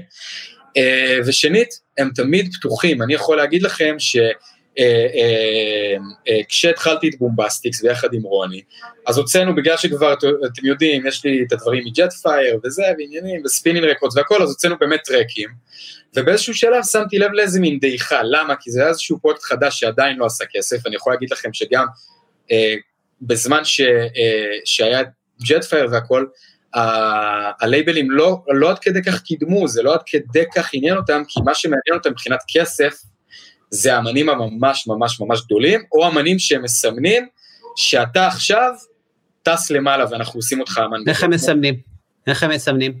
יכול להיות המון סיבות, אני אתן דוגמה למשל קשמיר, אוקיי? קשמיר נגיד עשה את מה שאני עושה עכשיו, הוא היה מפיק, הוא הפיק את צונאמי, אני בטוח שכולכם יודעים את זה, אה, היה לו אה, להקה שנקראת The Cataracs, שהיה להם להיט שנקרא G6, הוא הפיק המון המון המון דברים, והוא עבד בשיתוף פעולה עם, עם החברת תקליטים, אז ברגע שהוא אמר, אני רוצה להקים פרויקט משלי, הם כבר ידעו מה הוא מסוגל לעשות, אוקיי? אז הם פשוט נתנו לו את כל הגב שלהם, וקידמו כל דבר שהוא יכול לעשות. כנ"ל לגבי Oliver Heldens, אני יכול לתת לכם את הדוגמה שלו, הטרק הראשון שלו שהצליח, Gecko, גם כן סיפור מאוד דומה למה שסיפרתי קודם, Spinnin' Records לא רצו להחתים לו, אבל טיאסטו רצה להחתים לו ב Musical Freedom, ואז זה נהפך ללהיט, ממש להיט, ואז הם אמרו, אוקיי, הבן אדם יש לו להיט רציני, בואו נקדם אותו. דוגמה, חברינו האהובים, Vini Vici, מוכשרים בטירוף, הביאו משהו חדש לעולם, אה, כמובן היה להם להיט וכולם שמעו את הלהיט הזה, ואז היה להם עוד להיט, ואז עוד להיט, ופשוט ארמין לקח, לקח אותם וקידם אותם, אוקיי? ואז הם כבר נהיו אמנים ענקיים בפני עצמם. כמו אביצ'י, זה קרה לו עם דיוויד גואטה, ואפרו ג'ק זה קרה לו עם דיוויד גואטה, אוקיי? אז כמובן אפשר להגיע לסיטואציה כזאת שהלייבל מאמין בכם, אז אפשר באמת להגיע למצב שיש לכם להיט, ואת זה אי אפשר לדעת, גם אתם לא יכולים לדעת. אה, אני יכול לתת לכם אין ספור דוגמאות שחשבתי שטרק מסוים אף אחד לא יעניין אף אחד והוא ממש הצליח, אוקיי? אתם צריכים תמיד לזכור שהדבר הזה, המקצוע הזה תלוי באהבה של אנשים, אוקיי? אז דבר ראשון, זה צריך להיות תלוי באהבה שלכם, כי אם אתם לא תאהבו את המוזיקה שלכם, אף אחד אחר לא יאהב אותה. זה קודם כל, אוקיי? ואז בעצם אי אפשר לדעת לאן זה יתגלגל, אי אפשר לדעת כאילו איך אנשים יקבלו את זה, בסופו של דבר.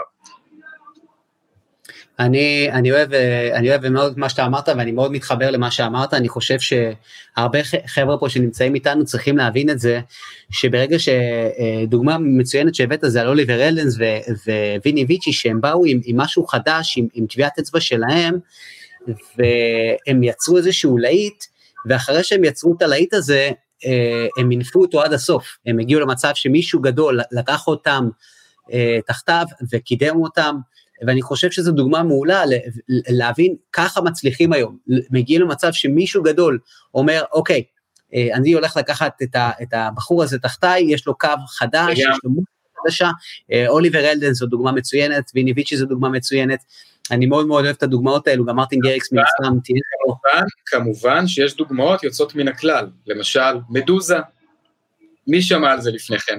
נכון? אוקיי. הם הביאו להיט שהתפוצץ בעולם, ואז אף אחד לא היה לו ברירה, כולם רצו לשמוע מדוזה. אה, זה, זה, זה משהו שאני רוצה באמת שיתקשר קצת לדבר הבא שאנחנו אה, נדבר עליו, שזה בעצם, אפשר בכלל להצליח בלי חברות תקליטים? כאילו, אתה, אתה חושב שזה משהו שהוא אה, אה, אפשרי אה, לעשות, להצליח, לקבל אה, אה, מה שנקרא אה, חשיפה גדולה, לפרוץ את התקרה הזאת, בכלל לעשות את כל שיתופי הפעולה הזאת עם האמנים הגדולים, בלי אה, אה, להחתים בחברת תקליטים? כמובן, אני יכול לספר לכם שלפני כמה שנים ישבתי באולפן עם בורגו, באולפני פלוטו, שהוא היה כאן בישראל.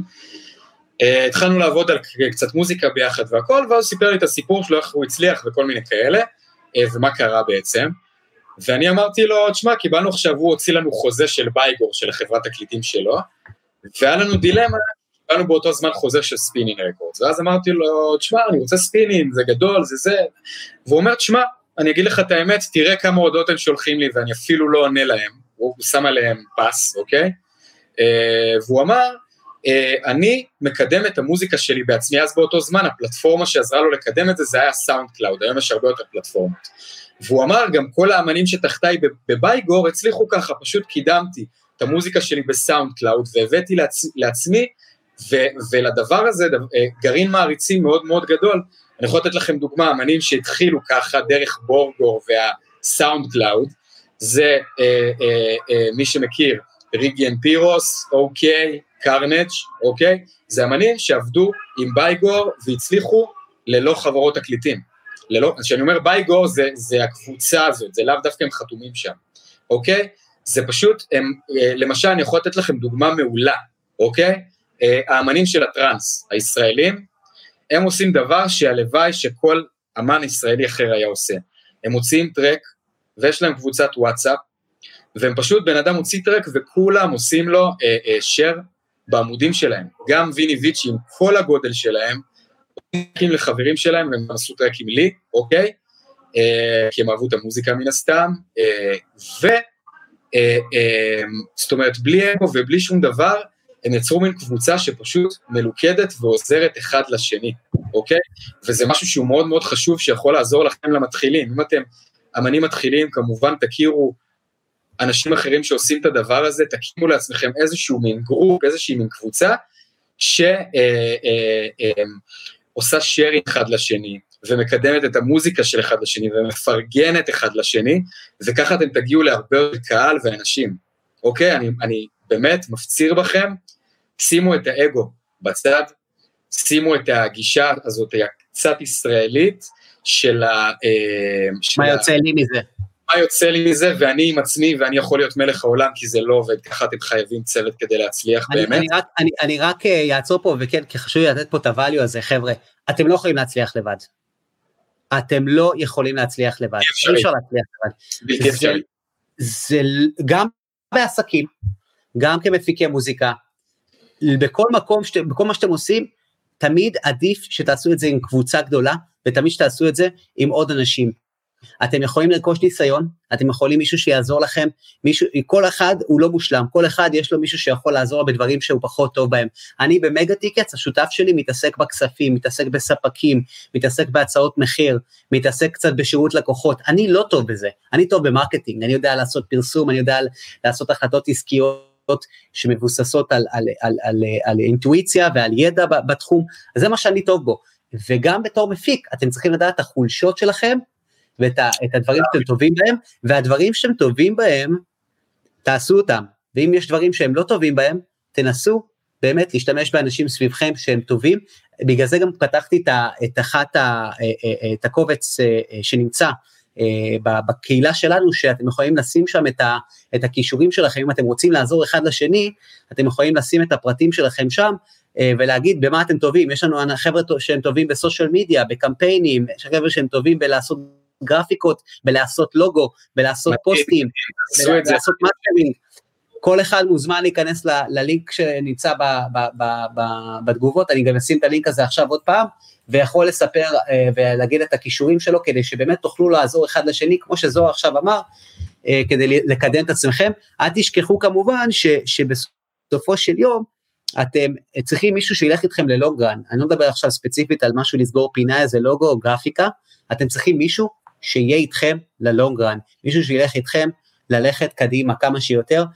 מה הדבר הכי גרוע שיכול לקרות? אני יכול, אני יכול גם לתת לכם דוגמה, נגיד אה, מ Bombastix, שזה הרכב חדש. ושאני חיפשתי איזשהו שותף, כי ידעתי שאני צריך שותף, כי אני יודע שאני מאוד מאוד חזק בהפקה ובלעשות מוזיקה, כמובן שאני יודע לנגן, כן? אבל חיפשתי מישהו שהוא הוא, הוא די.ג'יי מפחיד קודם כל, מפחיד, אה, ושהוא גם מוזיקאי ויודע מוזיקה, וגם אה, שיש לו אנרגיה טובה והכל, כי אני, אני בחור מאוד מאוד רציני, אוקיי? אז באמת מצאתי את רוני, שאני באמת באולפן עושה מוזיקה, כמובן שאנחנו מופיעים ביחד, והוא גם איתי בסשנים, אבל בזמן שהוא לא בסשנים, אה, אז הוא יושב בבית, עושה רעיונות, אוקיי? הוא יושב על הסושיאל מדיה שלנו, הוא אה, מדבר עם כל מיני גרפיקה, עכשיו יש לנו כבר את, את, אה, את המנהל שלנו, אז הוא כבר פחות עושה את זה, אבל באמת מצאתי מישהו שמשלים אותי, שיותר טוב במה שהוא עושה ממני, אוקיי? אתם לא צריכים למצוא אנשים שעושים את מה שאתם עושים. או שכן, תשמע, או שכן ברמה מסוימת, כי תמיד טוב שיש עוד... אני יכול להגיד לך שמניסיון, זה פחות עובד, כי יש איזושהי מלחמת כוחות, ואני הבוס, ואני יותר עושה את המוזיקה, ואני זה. כן, ש... זה כבר אישיות, זה כבר זה... אישיות. נכון, אבל אתם לא יכולים לדעת, אז חשוב לכם למצוא בן אדם שמשלים אתכם, כי זה לא שאני עושה מוזיקה ורוני לא, כן? הוא גם עושה מוזיקה. הוא יושב איתי באולפן, ואנחנו בסשנים, והוא גם בבית יושב ועושה רעיונות מדהימים, אוקיי? זה לא קשור, אוקיי? אבל אני יותר חזק בהפקה ובמוזיקה, והוא יותר חזק בדי-ג'יי ובלדבר עם אנשים. ואני מודע לזה. אני, אני אוהב את התובנה הזאת. חשוב שתהיו מודעים לעצמכם, ולמה שאתם יכולים לעשות, ו- ואתם לא חייבים שותף ולעשות הרכב. אתם יכולים כן אבל לעבוד עם אנשים חיצוניים, עם גרפיקאי, ועם צלם, ועם מה שזה לא כן. יהיה. אני אוהב, אני אוהב את מה שהוא אומר, אני גם uh, מזמין את כולם לצפות uh, בסמינר המלא שלי, שעשיתי לדי-ג'ים ומפיקים, שעזרתי להם מאוד בתהליך של לפרסם את עצמכם, ואיך לעשות לעצמכם מיתוג. אה, מי שעדיין לא צפה בסמינר הזה, הוא אה, מוזמן לשלוח לי הודעה בפרטי, אני אשלח לו אה, לינק לסמינר, סמינר של שעה וחצי, כמעט שעתיים, שאני מראה לכם מאפס איך אתם בונים את עצמכם בסושיאל מדיה, ובאמת חשוב מאוד שתעשו את זה. עכשיו, אני, אני רוצה באמת לקפוץ זוהר למצגת הבאה, ולדבר באמת על נושא של עשה ואל תעשה. אנחנו, אולי בשתיים, שלוש, זה אחת לפני האחרונה, קצת לפני שאנחנו מגיעים לדבר על איך הגעת בכלל אה, למצב שאתה באמת עובד עם, עם דיוויד גואטה ועם אה, דיפלו ועם השמות האלו, אני רוצה ששנייה נדבר על עשה ואל תעשה, כי ב state of mind שלך אתה כבר נמצא במקום שיש לך כבר את הקשרים האלו, ואתה כבר יש לך את ההבנה הזאת של אנשים שאתה מכיר בתעשייה ואיך לשלוח ומה לשלוח, ויש לך את ה... אפילו ברמת, אתה מתכתב בטוויטר עם טיאסטו הראית לי פעם אחת. אתה נמצא כן, במקום אחר בתעשייה. זה היה בתקופת Jetfire, עכשיו אני איתו בוואטסאפ. אתה איתו עכשיו בוואטסאפ. גם עם גואטה ודיבר, אני מדבר, אנחנו בשיחות שבועיות פשוט. לצורך העניין, רק שתדעו, בלי קשר, אני אגלה לכם זאת, אה, אה, הייתי אמור אה, ממש החודש הזה לטוס לאיביזה לקומפלקס אולפנים של גואטה, ביחד להפיק שם מוזיקה ביחד עם מייק ועם אפרוג'ק, שדרך אגב הוא עדיין מפיק לגואטה את הטרקים, אוקיי? ועם Glowinthedark מי שלא מכיר, וכותבים ומלחינים, וממש איזה שבוע לעשות לו מוזיקה. וממש עכשיו, אה, גם אמור להיות אה, במיאמי, אותו דבר עם גואטה, אבל זה פוספס, כי אף אחד מאיתנו לא יכול לטוס, ואין מה לעשות. יש פה שאלה של אה, אחד התותחים, חן טוכנר, דופק פה איזה שאלה, זוהר, הכל טוב ויפה, אבל איזה קומפרסור שמים על kick ו sub? קודם כל, אני, קודם כל אני אתחיל מזה ש Braindead, באמת, קודם כל שהוא הדי-ג'יי הכי מפחיד בישראל, sorry רוני, למרות שהדי-ג'יי מפחיד, אבל Braindead, זה כן, דברים שלא אפילו בעולם, והוא גם מפיק מטורף, והוא עושה דברים מדהימים, אוקיי? ווואלה אחי, לא שמים kick ו bass על קומפרסור, זה הורס את התדרים הנמוכים. זהו. אז כמו שהתחלתי ואמרתי, יש פה חבר'ה שמתחילים, ומהניסיון שלך, אני באמת רוצה שתגיד להם מה באמת עזר לך לעשות השלב הבא, מה באמת אה, המסקנות והאסימונים שנפלו לך במשך השנים, שאולי יכולים לעזור פה לחבר'ה אה, להבין איך לקדם את עצמם בצורה יותר נכונה, או איך לא לעשות את הטעויות שהרבה אנשים אחרים עשו. אה, אוקיי, אז קודם כל, עשה, אוקיי? נתחיל בעשה. תמצאו לכם צוות של אנשים, האמת שאני שנייה עוצר את עצמי, אולי נעשה פה איזושהי יוזמה תוך כדי הלייב הזה. אה, אני רוצה ששחר יפתח איזושהי אה, קבוצה אה, בפייסבוק, ב, כאילו בהודעות. אוקיי. אתה יודע, בהודעות שם.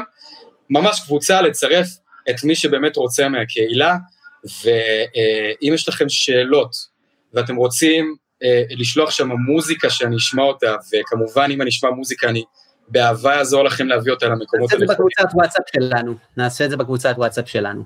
סבבה לגמרי, אז, אז אם, כמובן, אם אני אשמע דברים שהם ברמה שהיא טובה, אני אשלח אותה לאן שתרצו, אוקיי? אני אשמיע אתכם לזה, אני גם יכול להגיד לכם אה, שאני אה, חלק מהאנשים שבונים, שעוזרים לגואטה לבנות את הסטים שלו, אוקיי, הייתי אמור לעזור לו לבנות את הסט לאולטרה ואת הסט לטומורלנד בקיץ, אוקיי, אז כמובן שיש לי אשכרה סיי מה לשים בסטים האלה. אמ, אז אם אתם רוצים באמת כל עזרה, אה, כמובן שהמוזיקה תהיה ברמת...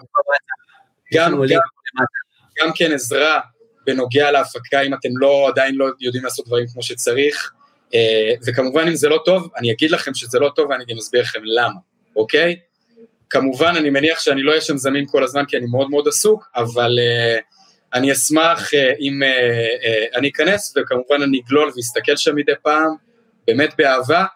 כל מה שאני רוצה זה שבאמת יהיה פה דור חדש של אנשים במדינה הזאת, שמרים אחד את השני למעלה, בדיוק כמו שהחבר'ה של הטראנס עושים, שזה מדהים בעיניי, הם אנשים מדהימים. אני יכול לציין באמת לטובה את ויני ויצ'י ואת בלסטויז, שהוא חבר והוא בן אדם מדהים ובאמת אחד המכשירים, המפיקים הכי מוכשרים שהכרתי, אנחנו עושים איתו עכשיו איזה כמה דברים, ובאמת יצא לי לראות, עושה דברים שתפסתי את הראש ואמרתי בואנה, אוקיי, אז באמת, אה, וגם אז יש מלא, באמת אנשים שהם ביחד ועוזרים אחד לשני, והלוואי שבעוד סגנונות מוזיקה ועוד אנשים ישימו את האגו שלהם שנייה בצד, ויבינו שצריך להתקדם ביחד ולעבוד ביחד. לא, אני רק אעצור אותך בשלב הזה, רק להגיד, שמתי לינק חבר'ה בתגובות של הלייב, אה, של הקבוצת וואטסאפ שלנו, של DJs of Israel, קבוצת DJs of Israel. אה, מי שרוצה מוזמן להצטרף אה, לקבוצה. זוהר אמר שהוא, אם יש מוזיקה ברמה טובה, אתם מוזמנים לשלוח אותה לזוהר. והוא יעביר אותה לחברות התקליטים. גם אם היא ברמה לא טובה, כמובן אני לא אעביר את זה כי זה לא ברמה טובה, אבל אני כן אתן לכם את דעתי ומה אתם צריכים לשפר ולעשות.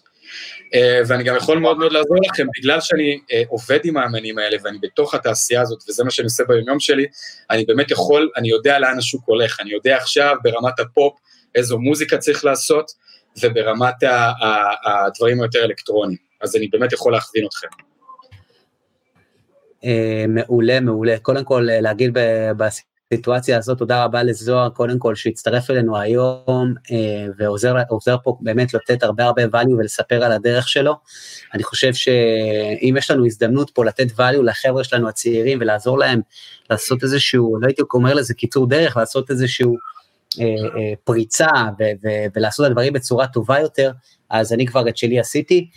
הלייב הזה הוא במסגרת קבוצת DJs of Israel, זו יוזמה שאני הרמתי ב, בגלל uh, משבר הקורונה, כדי לעזור לחבר'ה שלנו לצמוח, כדי לעזור לחבר'ה שלנו uh, באמת להצליח. זוהר בא לפה עם מסר שהוא מאוד מאוד מעניין, הוא אומר חבר'ה תרימו אחד את השני, אם תרימו אחד את השני נוכל לבנות פה דברים חדשים, נוכל לבנות פה דברים שלא היו לפני, ואני אוהב את זה מאוד, אני מאוד מאוד אוהב, ואני מאוד מתחבר למה שזוהר אומר. אנחנו כרגע נמצאים בשקף שאומר עשה ואל תעשה. אז נכון. זוהר, בעצם, זוהר בעצם אומר, אה, אה, אה, מבחינתו, את קודם כל מה תעשו, שזה אהבתי מאוד. יש לי עוד אם אתם רוצים מה לעשות, כן? יש אתה מוזמן להמשיך, אני חושב שהסיפורים שלכם מאוד מעניינים פה הרבה חברים, אז אתה מוזמן. הלו, שחר? אני אומר, אני חושב שהסיפורים שלך מאוד מעניינים, אז אתה מוזמן להמשיך. אוקיי, אז דברים נוספים שתעשו, כמו שאמרתי, בקצרה מאוד, שתפו פעולה עם, עם אחד עם השני, תעזרו אחד לשני, תבינו מי יותר חזק במה, ובאמת תעשו פה איזושהי מין קהילה כזאת, ותעשייה, כמו שיש להם בהולנד. הלוואי שיהיה דבר כזה גם פה. אז זה דבר ראשון. דבר שני, אה, לעשות, לשחרר מוזיקה, אוקיי? לשחרר מוזיקה, כמובן כשהיא ברמה גבוהה והיא, וכמובן היא עוברת את הסטנדרט, לשחרר אותה, ולהבין אה, אה, שגם אם אמרו לכם לא, זה בסדר. גם לי עדיין אומרים לא להרבה דברים, אוקיי? גם ל, ל, להמון אמנים אחרים, גדולים הרבה יותר ממני, אומרים לא להרבה דברים, אוקיי? אני יודע את זה כי אני בתהליך, כי אני עובד איתם על המוזיקה ואני חלק מכל התהליך של ההחתמה גם, אוקיי? אז אני גם יודע שהם מקבלים המון פעמים לא, אז אל תיתנו לזה לבאס אתכם, אוקיי? אז, אז גם אם אתם לא מקבלים עכשיו את האוקיי מהחברת תקליטים, אל תיתנו לזה לעצור אתכם, תמשיכו לשחרר מוזיקה בדרך שלכם, עוד דברים שתעשו, תחסכו כסף בצד בשביל הדברים האלה, שאם לא הצלחתם להחתים משהו, אתם תצטרכו באמת לשים כסף על קידום, אוקיי? של המוזיקה שלכם. אז לשים כסף בצד ל, אה, אה, לכולם, אני אומר את זה בלי יוצא מן הכלל, בשביל לקדם את העסק שלכם, זה יחזיר לכם את הכסף הרבה יותר, שחר יכול אה, לדבר על זה עד מחרתיים אה, בשיווק, אוקיי? אה, רגע, אני, אני רוצה לעצור, אני רוצה לעצור, כי אני יודע שאני קוטע אותך, אבל, אבל זה חשוב לי, כי חשוב לי לתת להם value פה בקטע הזה. חבר'ה, אתם צריכים, אם אתם עכשיו עובדים, לא משנה באיזה עבודה, לא משנה לי מה העבודה שלכם, אתם צריכים לשמור 20% מההכנסות שלכם בצד, כדי לקדם את עצמכם. לקדם את עצמכם זה יכול להיות כל דבר אפשרי, זה יכול להיות אה, אה, לטוס לכנסים, זה יכול להיות אה, קידום ממומן בפייסבוק, זה יכול להיות צלם מקצועי שיעשה לכם תמונות פרס, זה יכול להיות אה, לשלם למישהו שיעשה עליכם כתבה, זה יכול להיות מיליון דברים, וזה חשוב ש-20% מההכנסות שלכם, אם אתם רוצים באמת להציג את עצמכם בצורה מקצועית ביותר, כמובן שזה זה, זה טיפ קטן ממה, מהסמינר המלא שלי, שאם אתם רוצים לצפות בו, סמינר בחינם שאני נותן לחבר'ה פה, אה, אתם יכולים לשלוח לי הודעה בפרטי, אני אשלח לכם אותו, אתם חייבים, חייבים, חייבים להשקיע בעצמכם. עכשיו, לקבל כסף בחזרה, אני מבין, מה יוצא לי מזה? מתי אני מתחיל להרוויח כסף?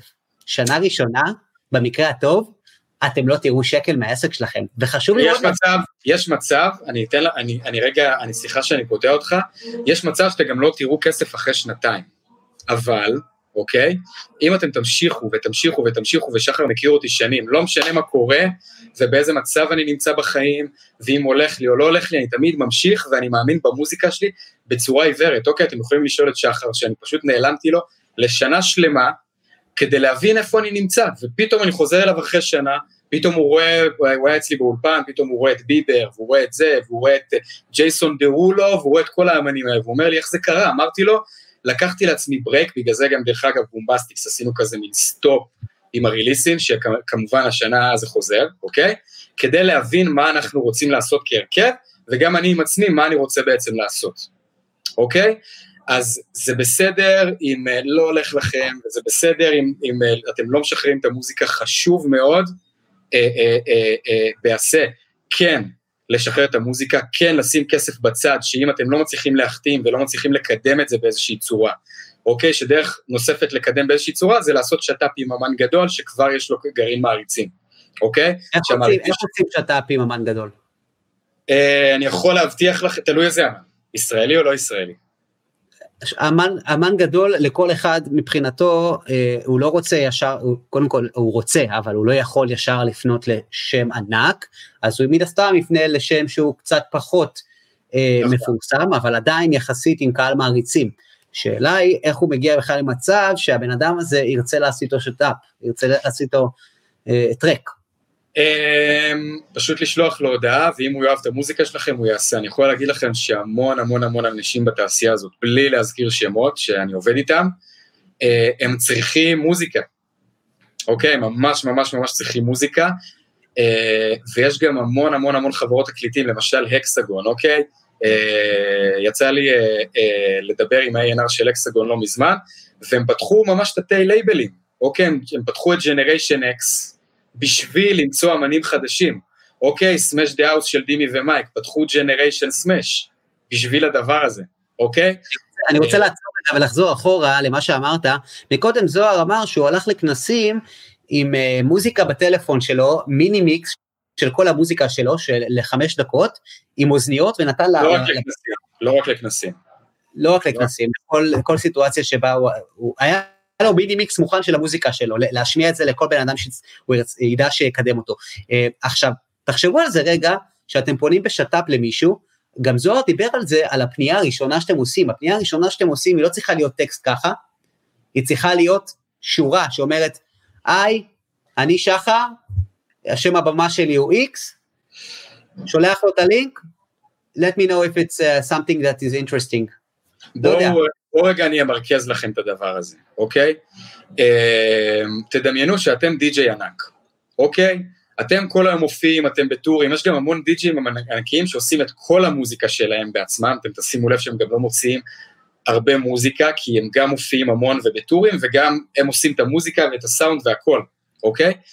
אתם צריכים להבין, אוקיי, שאם אתם הייתם הם, תנסו רגע לחשוב להיכנס ל state of mind הזה שנייה, ולהגיד, רגע, אם אני הייתי אמן גדול, ולא היה לי הרבה זמן לשבת באולפן, אני לא אכנס מדי פעם ואשמע דמוים, אולי אני אמצא פה איזה, איזה אוצר, וכן, אני יכול להגיד לכם שגם אני מקבל אין סוף דמוים, שכמובן הרבה מהדמוים האלה הם פחות רלוונטיים, כי או שזה לא הסטייל, או שזה פחות הרמה, אבל יש גם המון המון דמוים שאני מקבל שהם ברמה גבוהה, ואני יכול לתת לכם דוגמה, יש איזשהו בחור מפקיסטן, אוקיי, ששלח לי טרק, רצה שיתוף פעולה, אמרתי לו, וואו אחי, איזה טרק, אבל זה לא מתאים להרכב שלנו.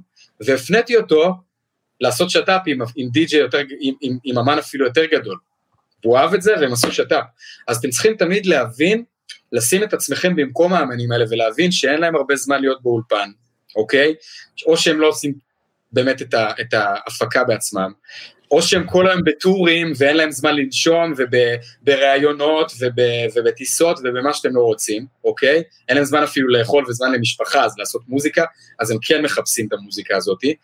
אה, ואתם צריכים לזכור, כנ"ל לגבי חברות תקליטים, שמה שמעניין אותם זה כסף. אם אתם תצליחו לחש... להיכנס רגע ל state of mind הזה ולהגיד, אוקיי, מעניין אותם כסף, איך אני עושה להם כסף, כי זה יביא לי כסף בסופו של דבר, זאת אומרת, זה יעניין אותם, אוקיי? בתור התחלה, כמובן, רק כדי לעניין אותם, שיעבדו איתכם, ואז כבר תעשו את הדרך שלכם, אוקיי? אז תנסו לחשוב... זה יכול כל דבר, זה יכול להיות מישהו, לא יודע, זה יכול כל דבר. בדיוק, הדרכים הכי יצירתיות שאתם יכולים לחשוב עליהן. אוקיי, אם הם יודעים שמכם יכולים לעשות כסף, הם יפתחו איתכם קבוצה בוואטסאפ, ברמה כזאת. אני, אני אוהב את זה, אני אוהב את התובנה הזאת, אה, והיא מאוד מעניינת. אה, לגבי אה, טעויות נפוצות שחבר'ה עושים, אם יצא לך להתקל בהרבה חבר'ה שעושים את אותה טעות כשהם מתחילים, ברמת ההפקה, ברמת המיתוג, בכל רמה כלשהי שקשורה למוזיקה, אני אשמח מאוד לשמוע אם יש לך איזשהו משהו שאתה מכיר שחוזר על עצמו, שאתה היית נותן את הדעה שלך או היית עושה את זה בצורה קצת שונה. אה, אוקיי, אז בואו נתחיל אה, נגיד טעויות נפוצות ברמת ההפקה. אז קודם כל דיברנו על זה שהמון המון המון מפיקים צעירים, ואני גם מבין למה זה קורה, כי היום יש יוטיוב ויש המון how to make, ויש המון אמנים שעושים מוזיקה, אז, אה, אז חבר'ה צעירים עדיין הם לא, הם לא מגובשים מבחינת האני עצמי שלהם. הם צריכים עדיין להתפתח ולהבין מה הם רוצים לעשות הרבה, לא אמרתי כן?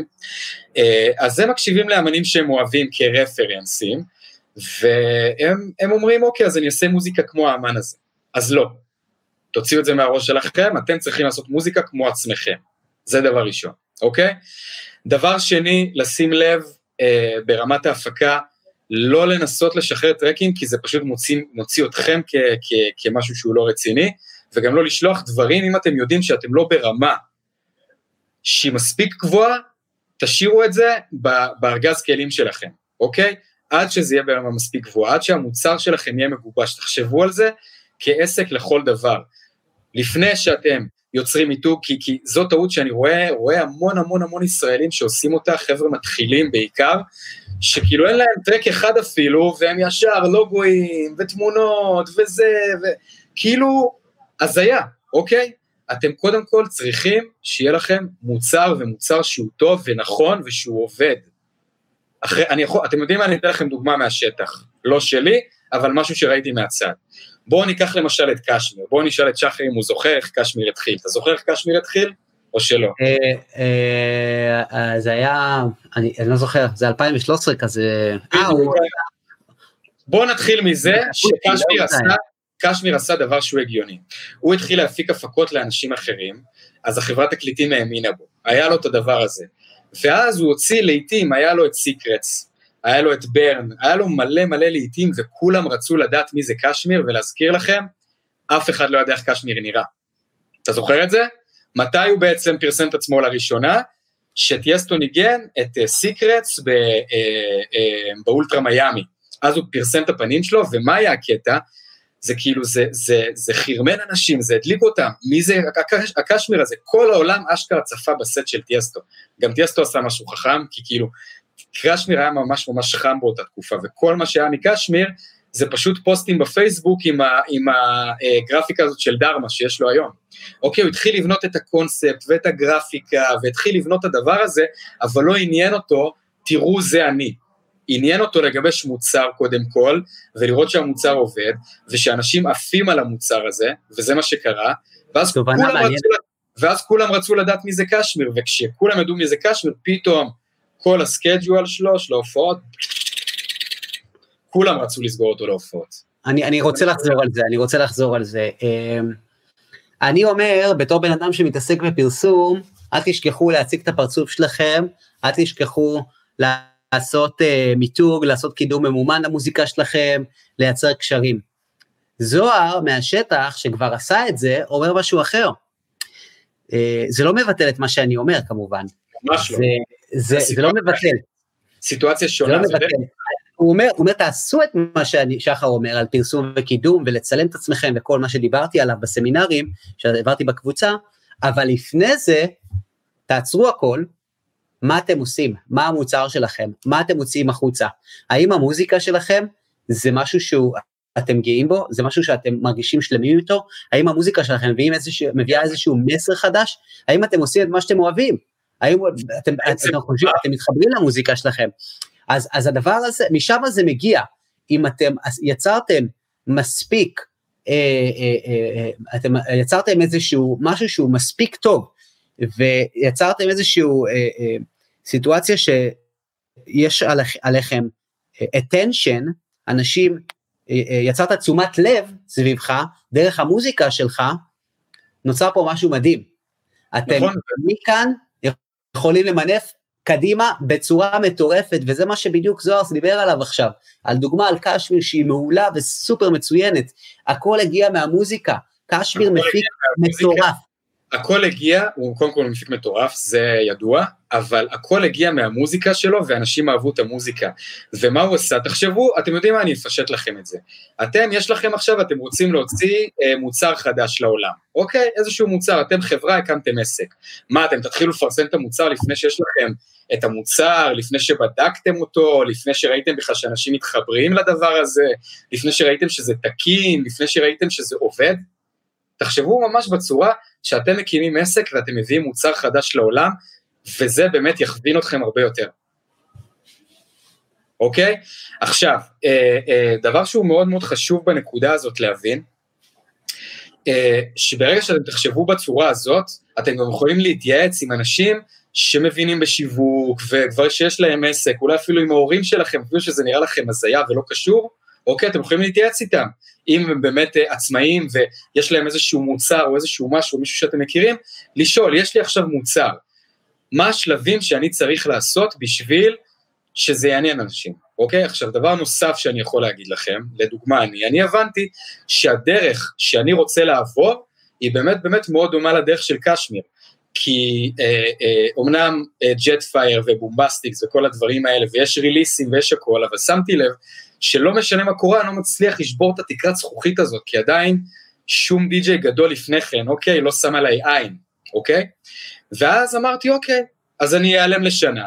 התחלתי לעבוד עם האמנים האלה, עשיתי להם דברים, אני עדיין עושה, עדיין עובד איתם, וזה הביא אותי לעוד מקומות שבהרכב אה, אה, של רוני ושלי, אה, בבומבסטיקס, למשל יש לנו שת"פ אה, אה, אה, אה, עם גואטה, שאמור לקרות, יש לנו עם אה, אה, דימיטרי וגאס ולייק מייק, יש לנו עם טימי טראמפט, וזה נטו בגלל שהם מכירים אותי, והם יודעים מה אני מסוגל לעשות, והם פשוט אהבו את המוזיקה, והם כבר, כבר בתוך הדבר הזה, אוקיי? אז זה מאוד מאוד מאוד חשוב אה, אה, אה, גם להבין את הנקודה הזאת, שהדבר הראשון שאתם צריכים לעשות, זה שיש לכם מוצר שהוא טוב, ואז תחליטו לאיזה דרך אתם הולכים.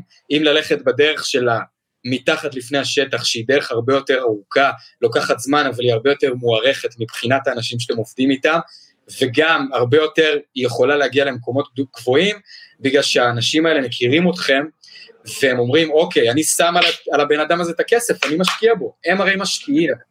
איך יודעים uh, שיש לך מוצר טוב, כאילו, אוקיי, עכשיו הם מפיקים בבית, הם מגיעים למצב שהם חושבים שהטרק הזה זה טרק המאה, אוקיי? סבבה. קודם כן. כל, קודם כל, השיטה הכי טובה, וזו השיטה שלי, אוקיי? לשאול אנשים שלא מבינים כלום במוזיקה. בסדר?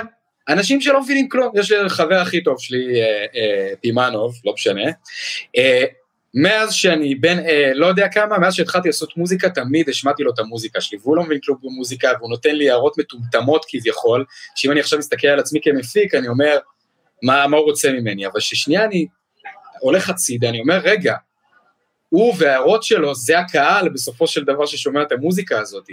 אז התגובות שאני לוקח הכי ברצינות, זה תגובה של, אה, של חברה שלי, אוקיי? זה תגובה של אה, חבר שלי, זה תגובה של אה, אימא שלי אפילו, אוקיי?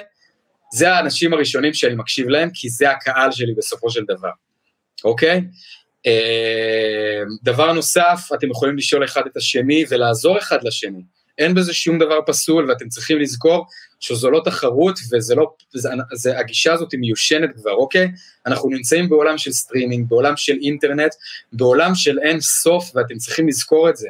זה שחבר שלכם מצליח ועושה מוזיקה, זה לא אומר שהוא לא צריך לעזור לכם כי הוא כאן והוא מפחד שתעקפו אותו, אין דברים כאלה, אוקיי, העולם גדול, אתה יכול לעשות את זה ואני יכול לעשות את זה ואתם גם יכולים להיות על משבצת שהיא דומה, וזה בסדר לחלוטין, אוקיי? שימו את האגו בצד, ובאמת זה נראה לי זה המסר הכי חשוב בכל, בכל הרעיון הזה, שימו את האגו בצד, תשתפו פעולה, במיוחד בגלל שאתם אה, חדשים ומתחילים ועדיין לא נכנסתם לתוך העניין הזה, ו- ותרימו כאן משהו שהוא גדול, ת, ת, כאילו, תעזרו אחד בשני, אוקיי, זו הדרך שלכם שהיא מאוד מאוד טובה לדעת. סליחה שאני עוצר אותך, כי חשוב לתת להם פה value ולהפיל להם פה איזשהו אסימון. אמ, מה שאני עושה בעסק שלי, תמיד יש לי איזה שלושה, ארבעה, חמישה אנשים, שאני תמיד מתייעץ איתם על אה, החלטות עסקיות. אני תמיד תמיד מדבר איתם, יש לי את השלושה, ארבעה אנשים האלו שאני יודע שהם רוצים לטובתי, אוקיי? אה, ואני יודע שגם מבינים קצת בסצנה, אז אני מתייעץ איתם על, אה, על חומר שאני רוצה להעלות, על פרויקטים שאני רוצה להרים, על אמנים שאני רוצה להביא לישראל, אני תמיד תמיד תמיד, יש לי את האנשים האלו, יצרתי לעצמי איזושהי סביבה של אנשים שאני יודע שבאמת אכפת להם ממני, ואני תמיד תמיד שולח להם את, ה, את הרעיונות שלי, את המוזיקה שלי, את היוזמות שלי, אה, מה שזה לא יהיה, מוזיקה ספציפית, אני לא מפיק, אבל אני שולח להם תמיד את, ה, אה, אה, את הדברים שלי כדי לקבל איזושהי דעה שהיא נטו דעה אובייקטיבית, אוקיי? עכשיו, אתם צריכים לחשוב, מי השתיים, שלושה, ארבעה אנשים האלו שאני יכול עכשיו לייצר איזושהי קבוצת שידור בוואטסאפ, או אפילו, לא משנה, זה לא, לא קבוצת וואטסאפ, אל, אל תתבלבלו, אתם לא מכניסים אותה לקבוצת וואטסאפ, נראה איתה בנפרד. חשוב מאוד שאתם תדברו איתם בנפרד ושתקבלו מהם את הפידבקים. קחו ממני את העצה הזאת ותראו שאיך אתם אה, אה, יוצרים מצב שיש לכם שלושה, ארבעה, חמישה חברים כאלו, שתמיד ירצו לתת לכם את הפידבק לטובתכם. אני לא מדבר על אנשים שיורידו אתכם למטה, מהאנשים האלו תברחו ואל תדברו איתם יותר.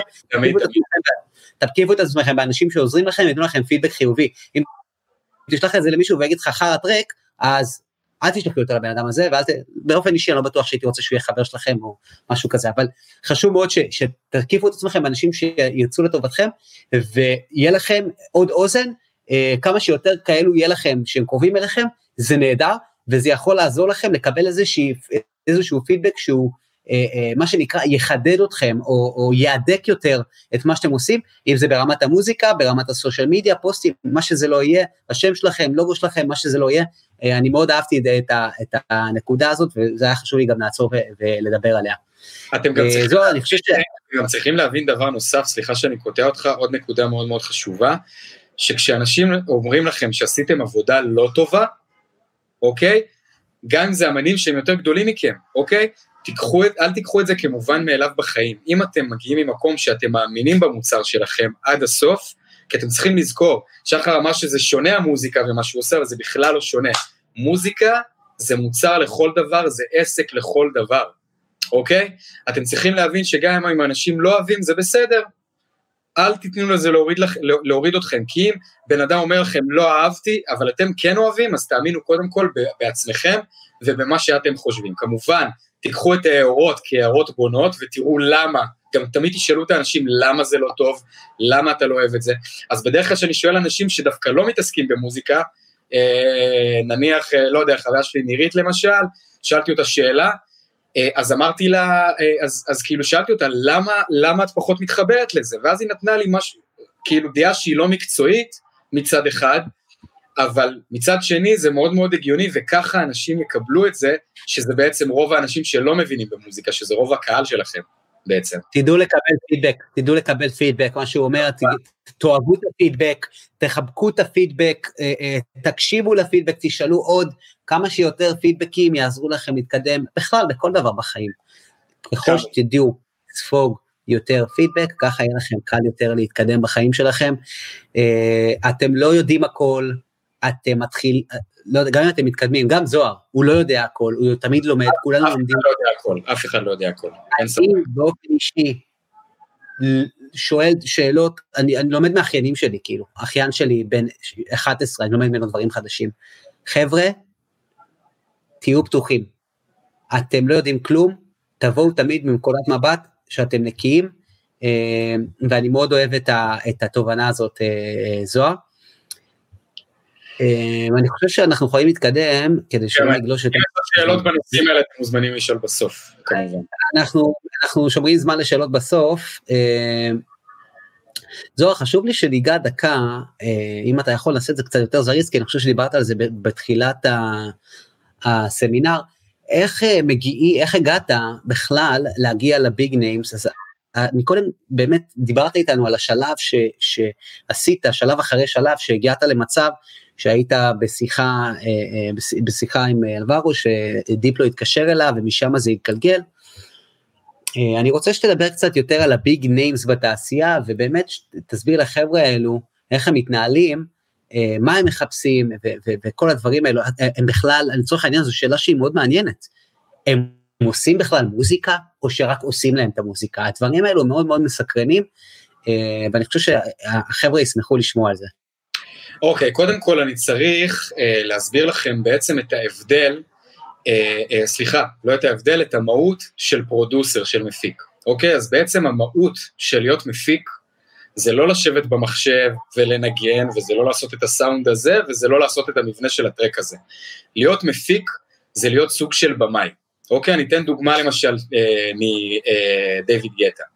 הוא, אה, אה, הוא יודע לעשות מוזיקה. בסדר? הוא יודע לעבוד, אמנם לא ברמה של עכשיו אה, מפיק על, אבל ה-state of mind שלו הוא של מפיק על, אוקיי? מה זאת אומרת? תחשבו שהוא מנהל אותי, ומנהל עוד מפיקים, ומנהל כותבים ומנהל מלחינים, והוא יודע עם מי לעבוד, הוא יודע אה, אה, איך לכוון את האנשים האלה, הוא יודע מה הוא רוצה, אני יכול להגיד לכם המון פעמים שלחתי לו דברים שמבחינת הפקה היו פסיכוטיים, כאילו אמרתי וואו איזה מטורף זה זה זה, והוא אמר לי לא, עם המבטא הצרפתי שלו, Keep it simple, כזה, אה, וזה ממש בקטע שהבן אדם אמר לי כל מיני דברים שנראים לי לא הגיוניים, כשרק התחלתי לעבוד איתו, עד שהבנתי בעצם איך האנשים האלה חושבים ומה המהות של להיט, ואיך לעשות בכלל להיט, אוקיי? אה, שזה לא על רגל אחת, זה נאום שלם, אוקיי? אבל באמת למדתי מהאנשים האלה, שהמון פעמים שלחתי לגואטה, נגיד משהו, ואני עפתי על זה, והוא אמר לי, אבל תשנה את זה, וזה היה נראה לי לא הגיוני. ואז אחרי שעשיתי את זה, פתאום נפל לי, אמרתי, בואנה, הבן אדם יודע fucking על מה הוא מדבר, זה מטורף. ואז אה, אה, קודם כל, אתם יכולים להבין שהאנשים האלה שלא עושים מוזיקה, הם קודם כל מפיקים, אוקיי?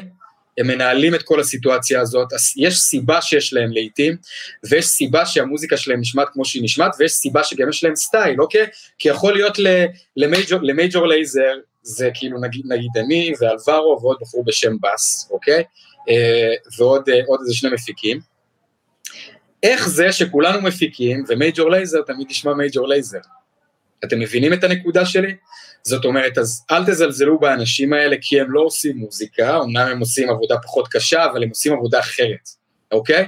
והם יודעים מה הם רוצים, ויודעים איך דברים צריכים להישמע, ויש להם המון המון המון מה ללמד. אוקיי, אני שם, ראיתי המון המון נגיד בקבוצות של ה ravers, ואיך כאילו מזלזלים, באמנ... אני, אני לא, לא אזכיר שמות, אבל בכל מיני אמנים שנחשבים מאוד מאוד גדולים, ראיתי את זה כזה מהצד, וכאילו יורדים עליהם. אתם צריכים להבין שהעבודה הזאת ומה שאתם רואים, זה לא מה שקורה בפועל מתחת לפני השטח, יש המון דברים שקורים, אוקיי? אמ, אז קודם כל הם אה, אנשים מאוד מאוד נחמדים, והם יודעים את העבודה, והם יודעים מה הם רוצים, וגם אתם יכולים להיות המפיקים הכי טובים בעולם, אבל הם ידעו יותר טוב מכם מה הם רוצים ואיך הם רוצים שזה יקרה ומתי זה נשמע להם טוב. אולי הם לא ידעו להסביר לכם את זה במילים שאתם רוצים לשמוע, או בשפה שלכם, אבל ברגע שתתחילו לעבוד עם האנשים האלה לאט לאט לאט, אתם תבינו את השפה שלהם, שזה העניין, בסופו של דבר.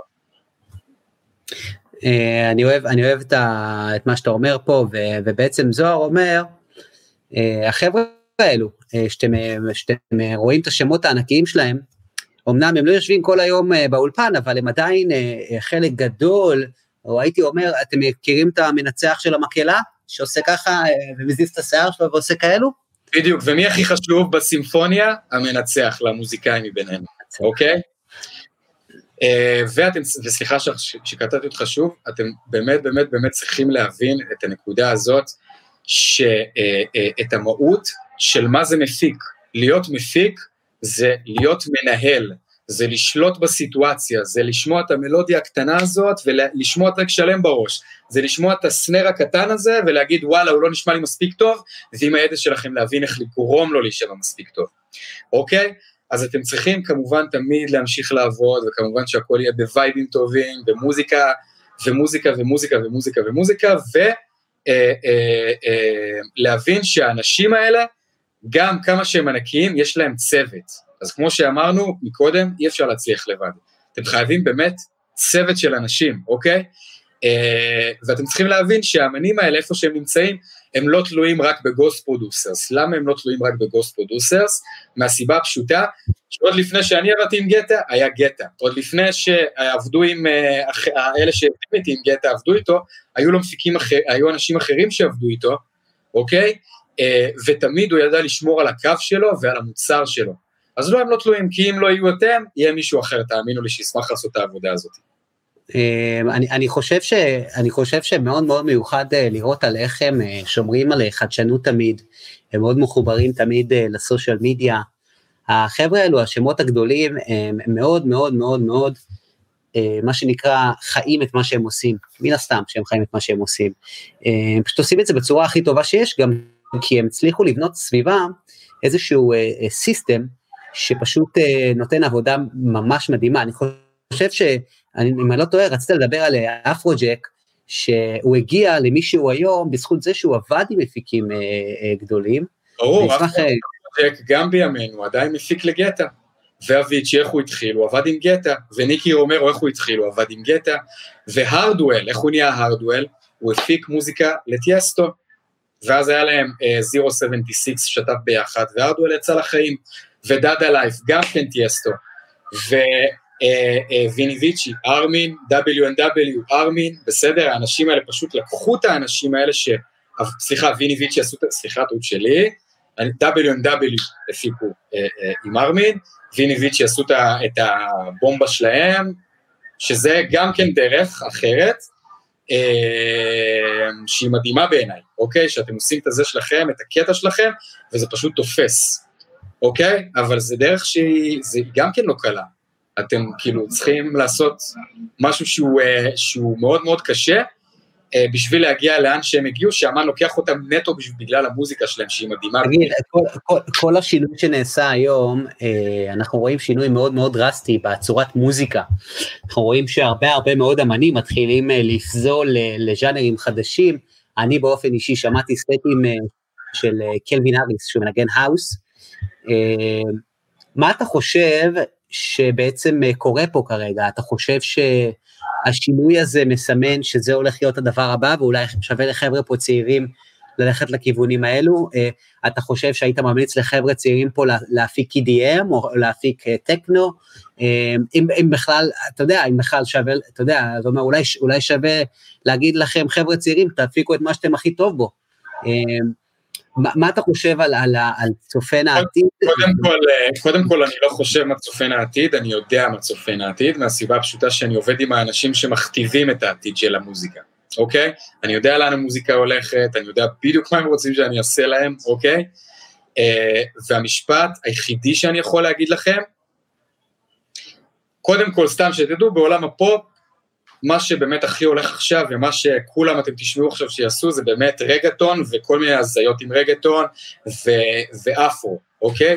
זה באמת מה שהולך בעולם המאוד מסחרי, אבל, אוקיי? אה, יש עוד דברים, אבל זה לא, לא כזה קריטי. מה שעכשיו כן משנה, ומה שכן הולך, זה ששום דבר לא הולך בעצם, אוקיי? השוק בעצם הגיע לסוג של רוויה, שחברות תקליטים לא באמת יודעות וגם אמנים לא באמת יודעים אה, אה, מה, מה הם מחפשים, אוקיי? אה, כי השוק הגיע לרוויה, ה-EDM הגיע לרוויה, כבר שמעו הכל, ה future house גם עוד שנייה ברוויה, אני יכול להגיד לכם ש Spinnin', אם אתם מנסים לשלוח להם future house, תוותרו כבר, הם לא יקבלו את זה. לפני יומיים כאילו אמרו לי את זה, אוקיי? אה, אז כן לשלוח את זה למקומות הנכונים, אבל אני יכול להגיד לכם שאין כאן נכון או לא נכון. הדבר היחידי שנכון זה שתעשו את מה שאתם טובים בו, את מה שאתם הכי אוהבים ומה שהכי קרוב לכם ל-DNA שלכם. למה? כי אין בזה שום דבר שהוא מזויף. זה אמיתי, אוקיי? והדבר היחידי שיכול להתפוצץ ולהצליח בגדול, זה אמת, אוקיי? ודברים שבאים מהנפש שלכם. כמה שזה נשמע הזיה וזה, זה ממש ככה. אוקיי? תסתכלו על ה top 10 של ה DJ Mag, זה בדיוק הסיפור. אמ, אני בעצם אה, מבין ממה שאתה אומר, זה אל תלכו אחרי טרנד, אל תנסו אה, אה, אה, ללכת אחרי טרנד כרגע. ללכת, ללכת אחרי טרנד, אתם צריכים לזכור שטרנד הוא, הוא, הוא טרנד בגלל שמישהו עשה את זה לפניכם והתחיל את הטרנד הזה. אתם לא רוצים לעשות טרנד שמישהו כבר עשה, אחרת אתם כמוהו. אתם צריכים להביא טרנד חדש. זה ה... שטרנד חדש זה יכול להיות uh, קו מוזיקלי, זה יכול להיות uh, טביעת אצבע חדשה.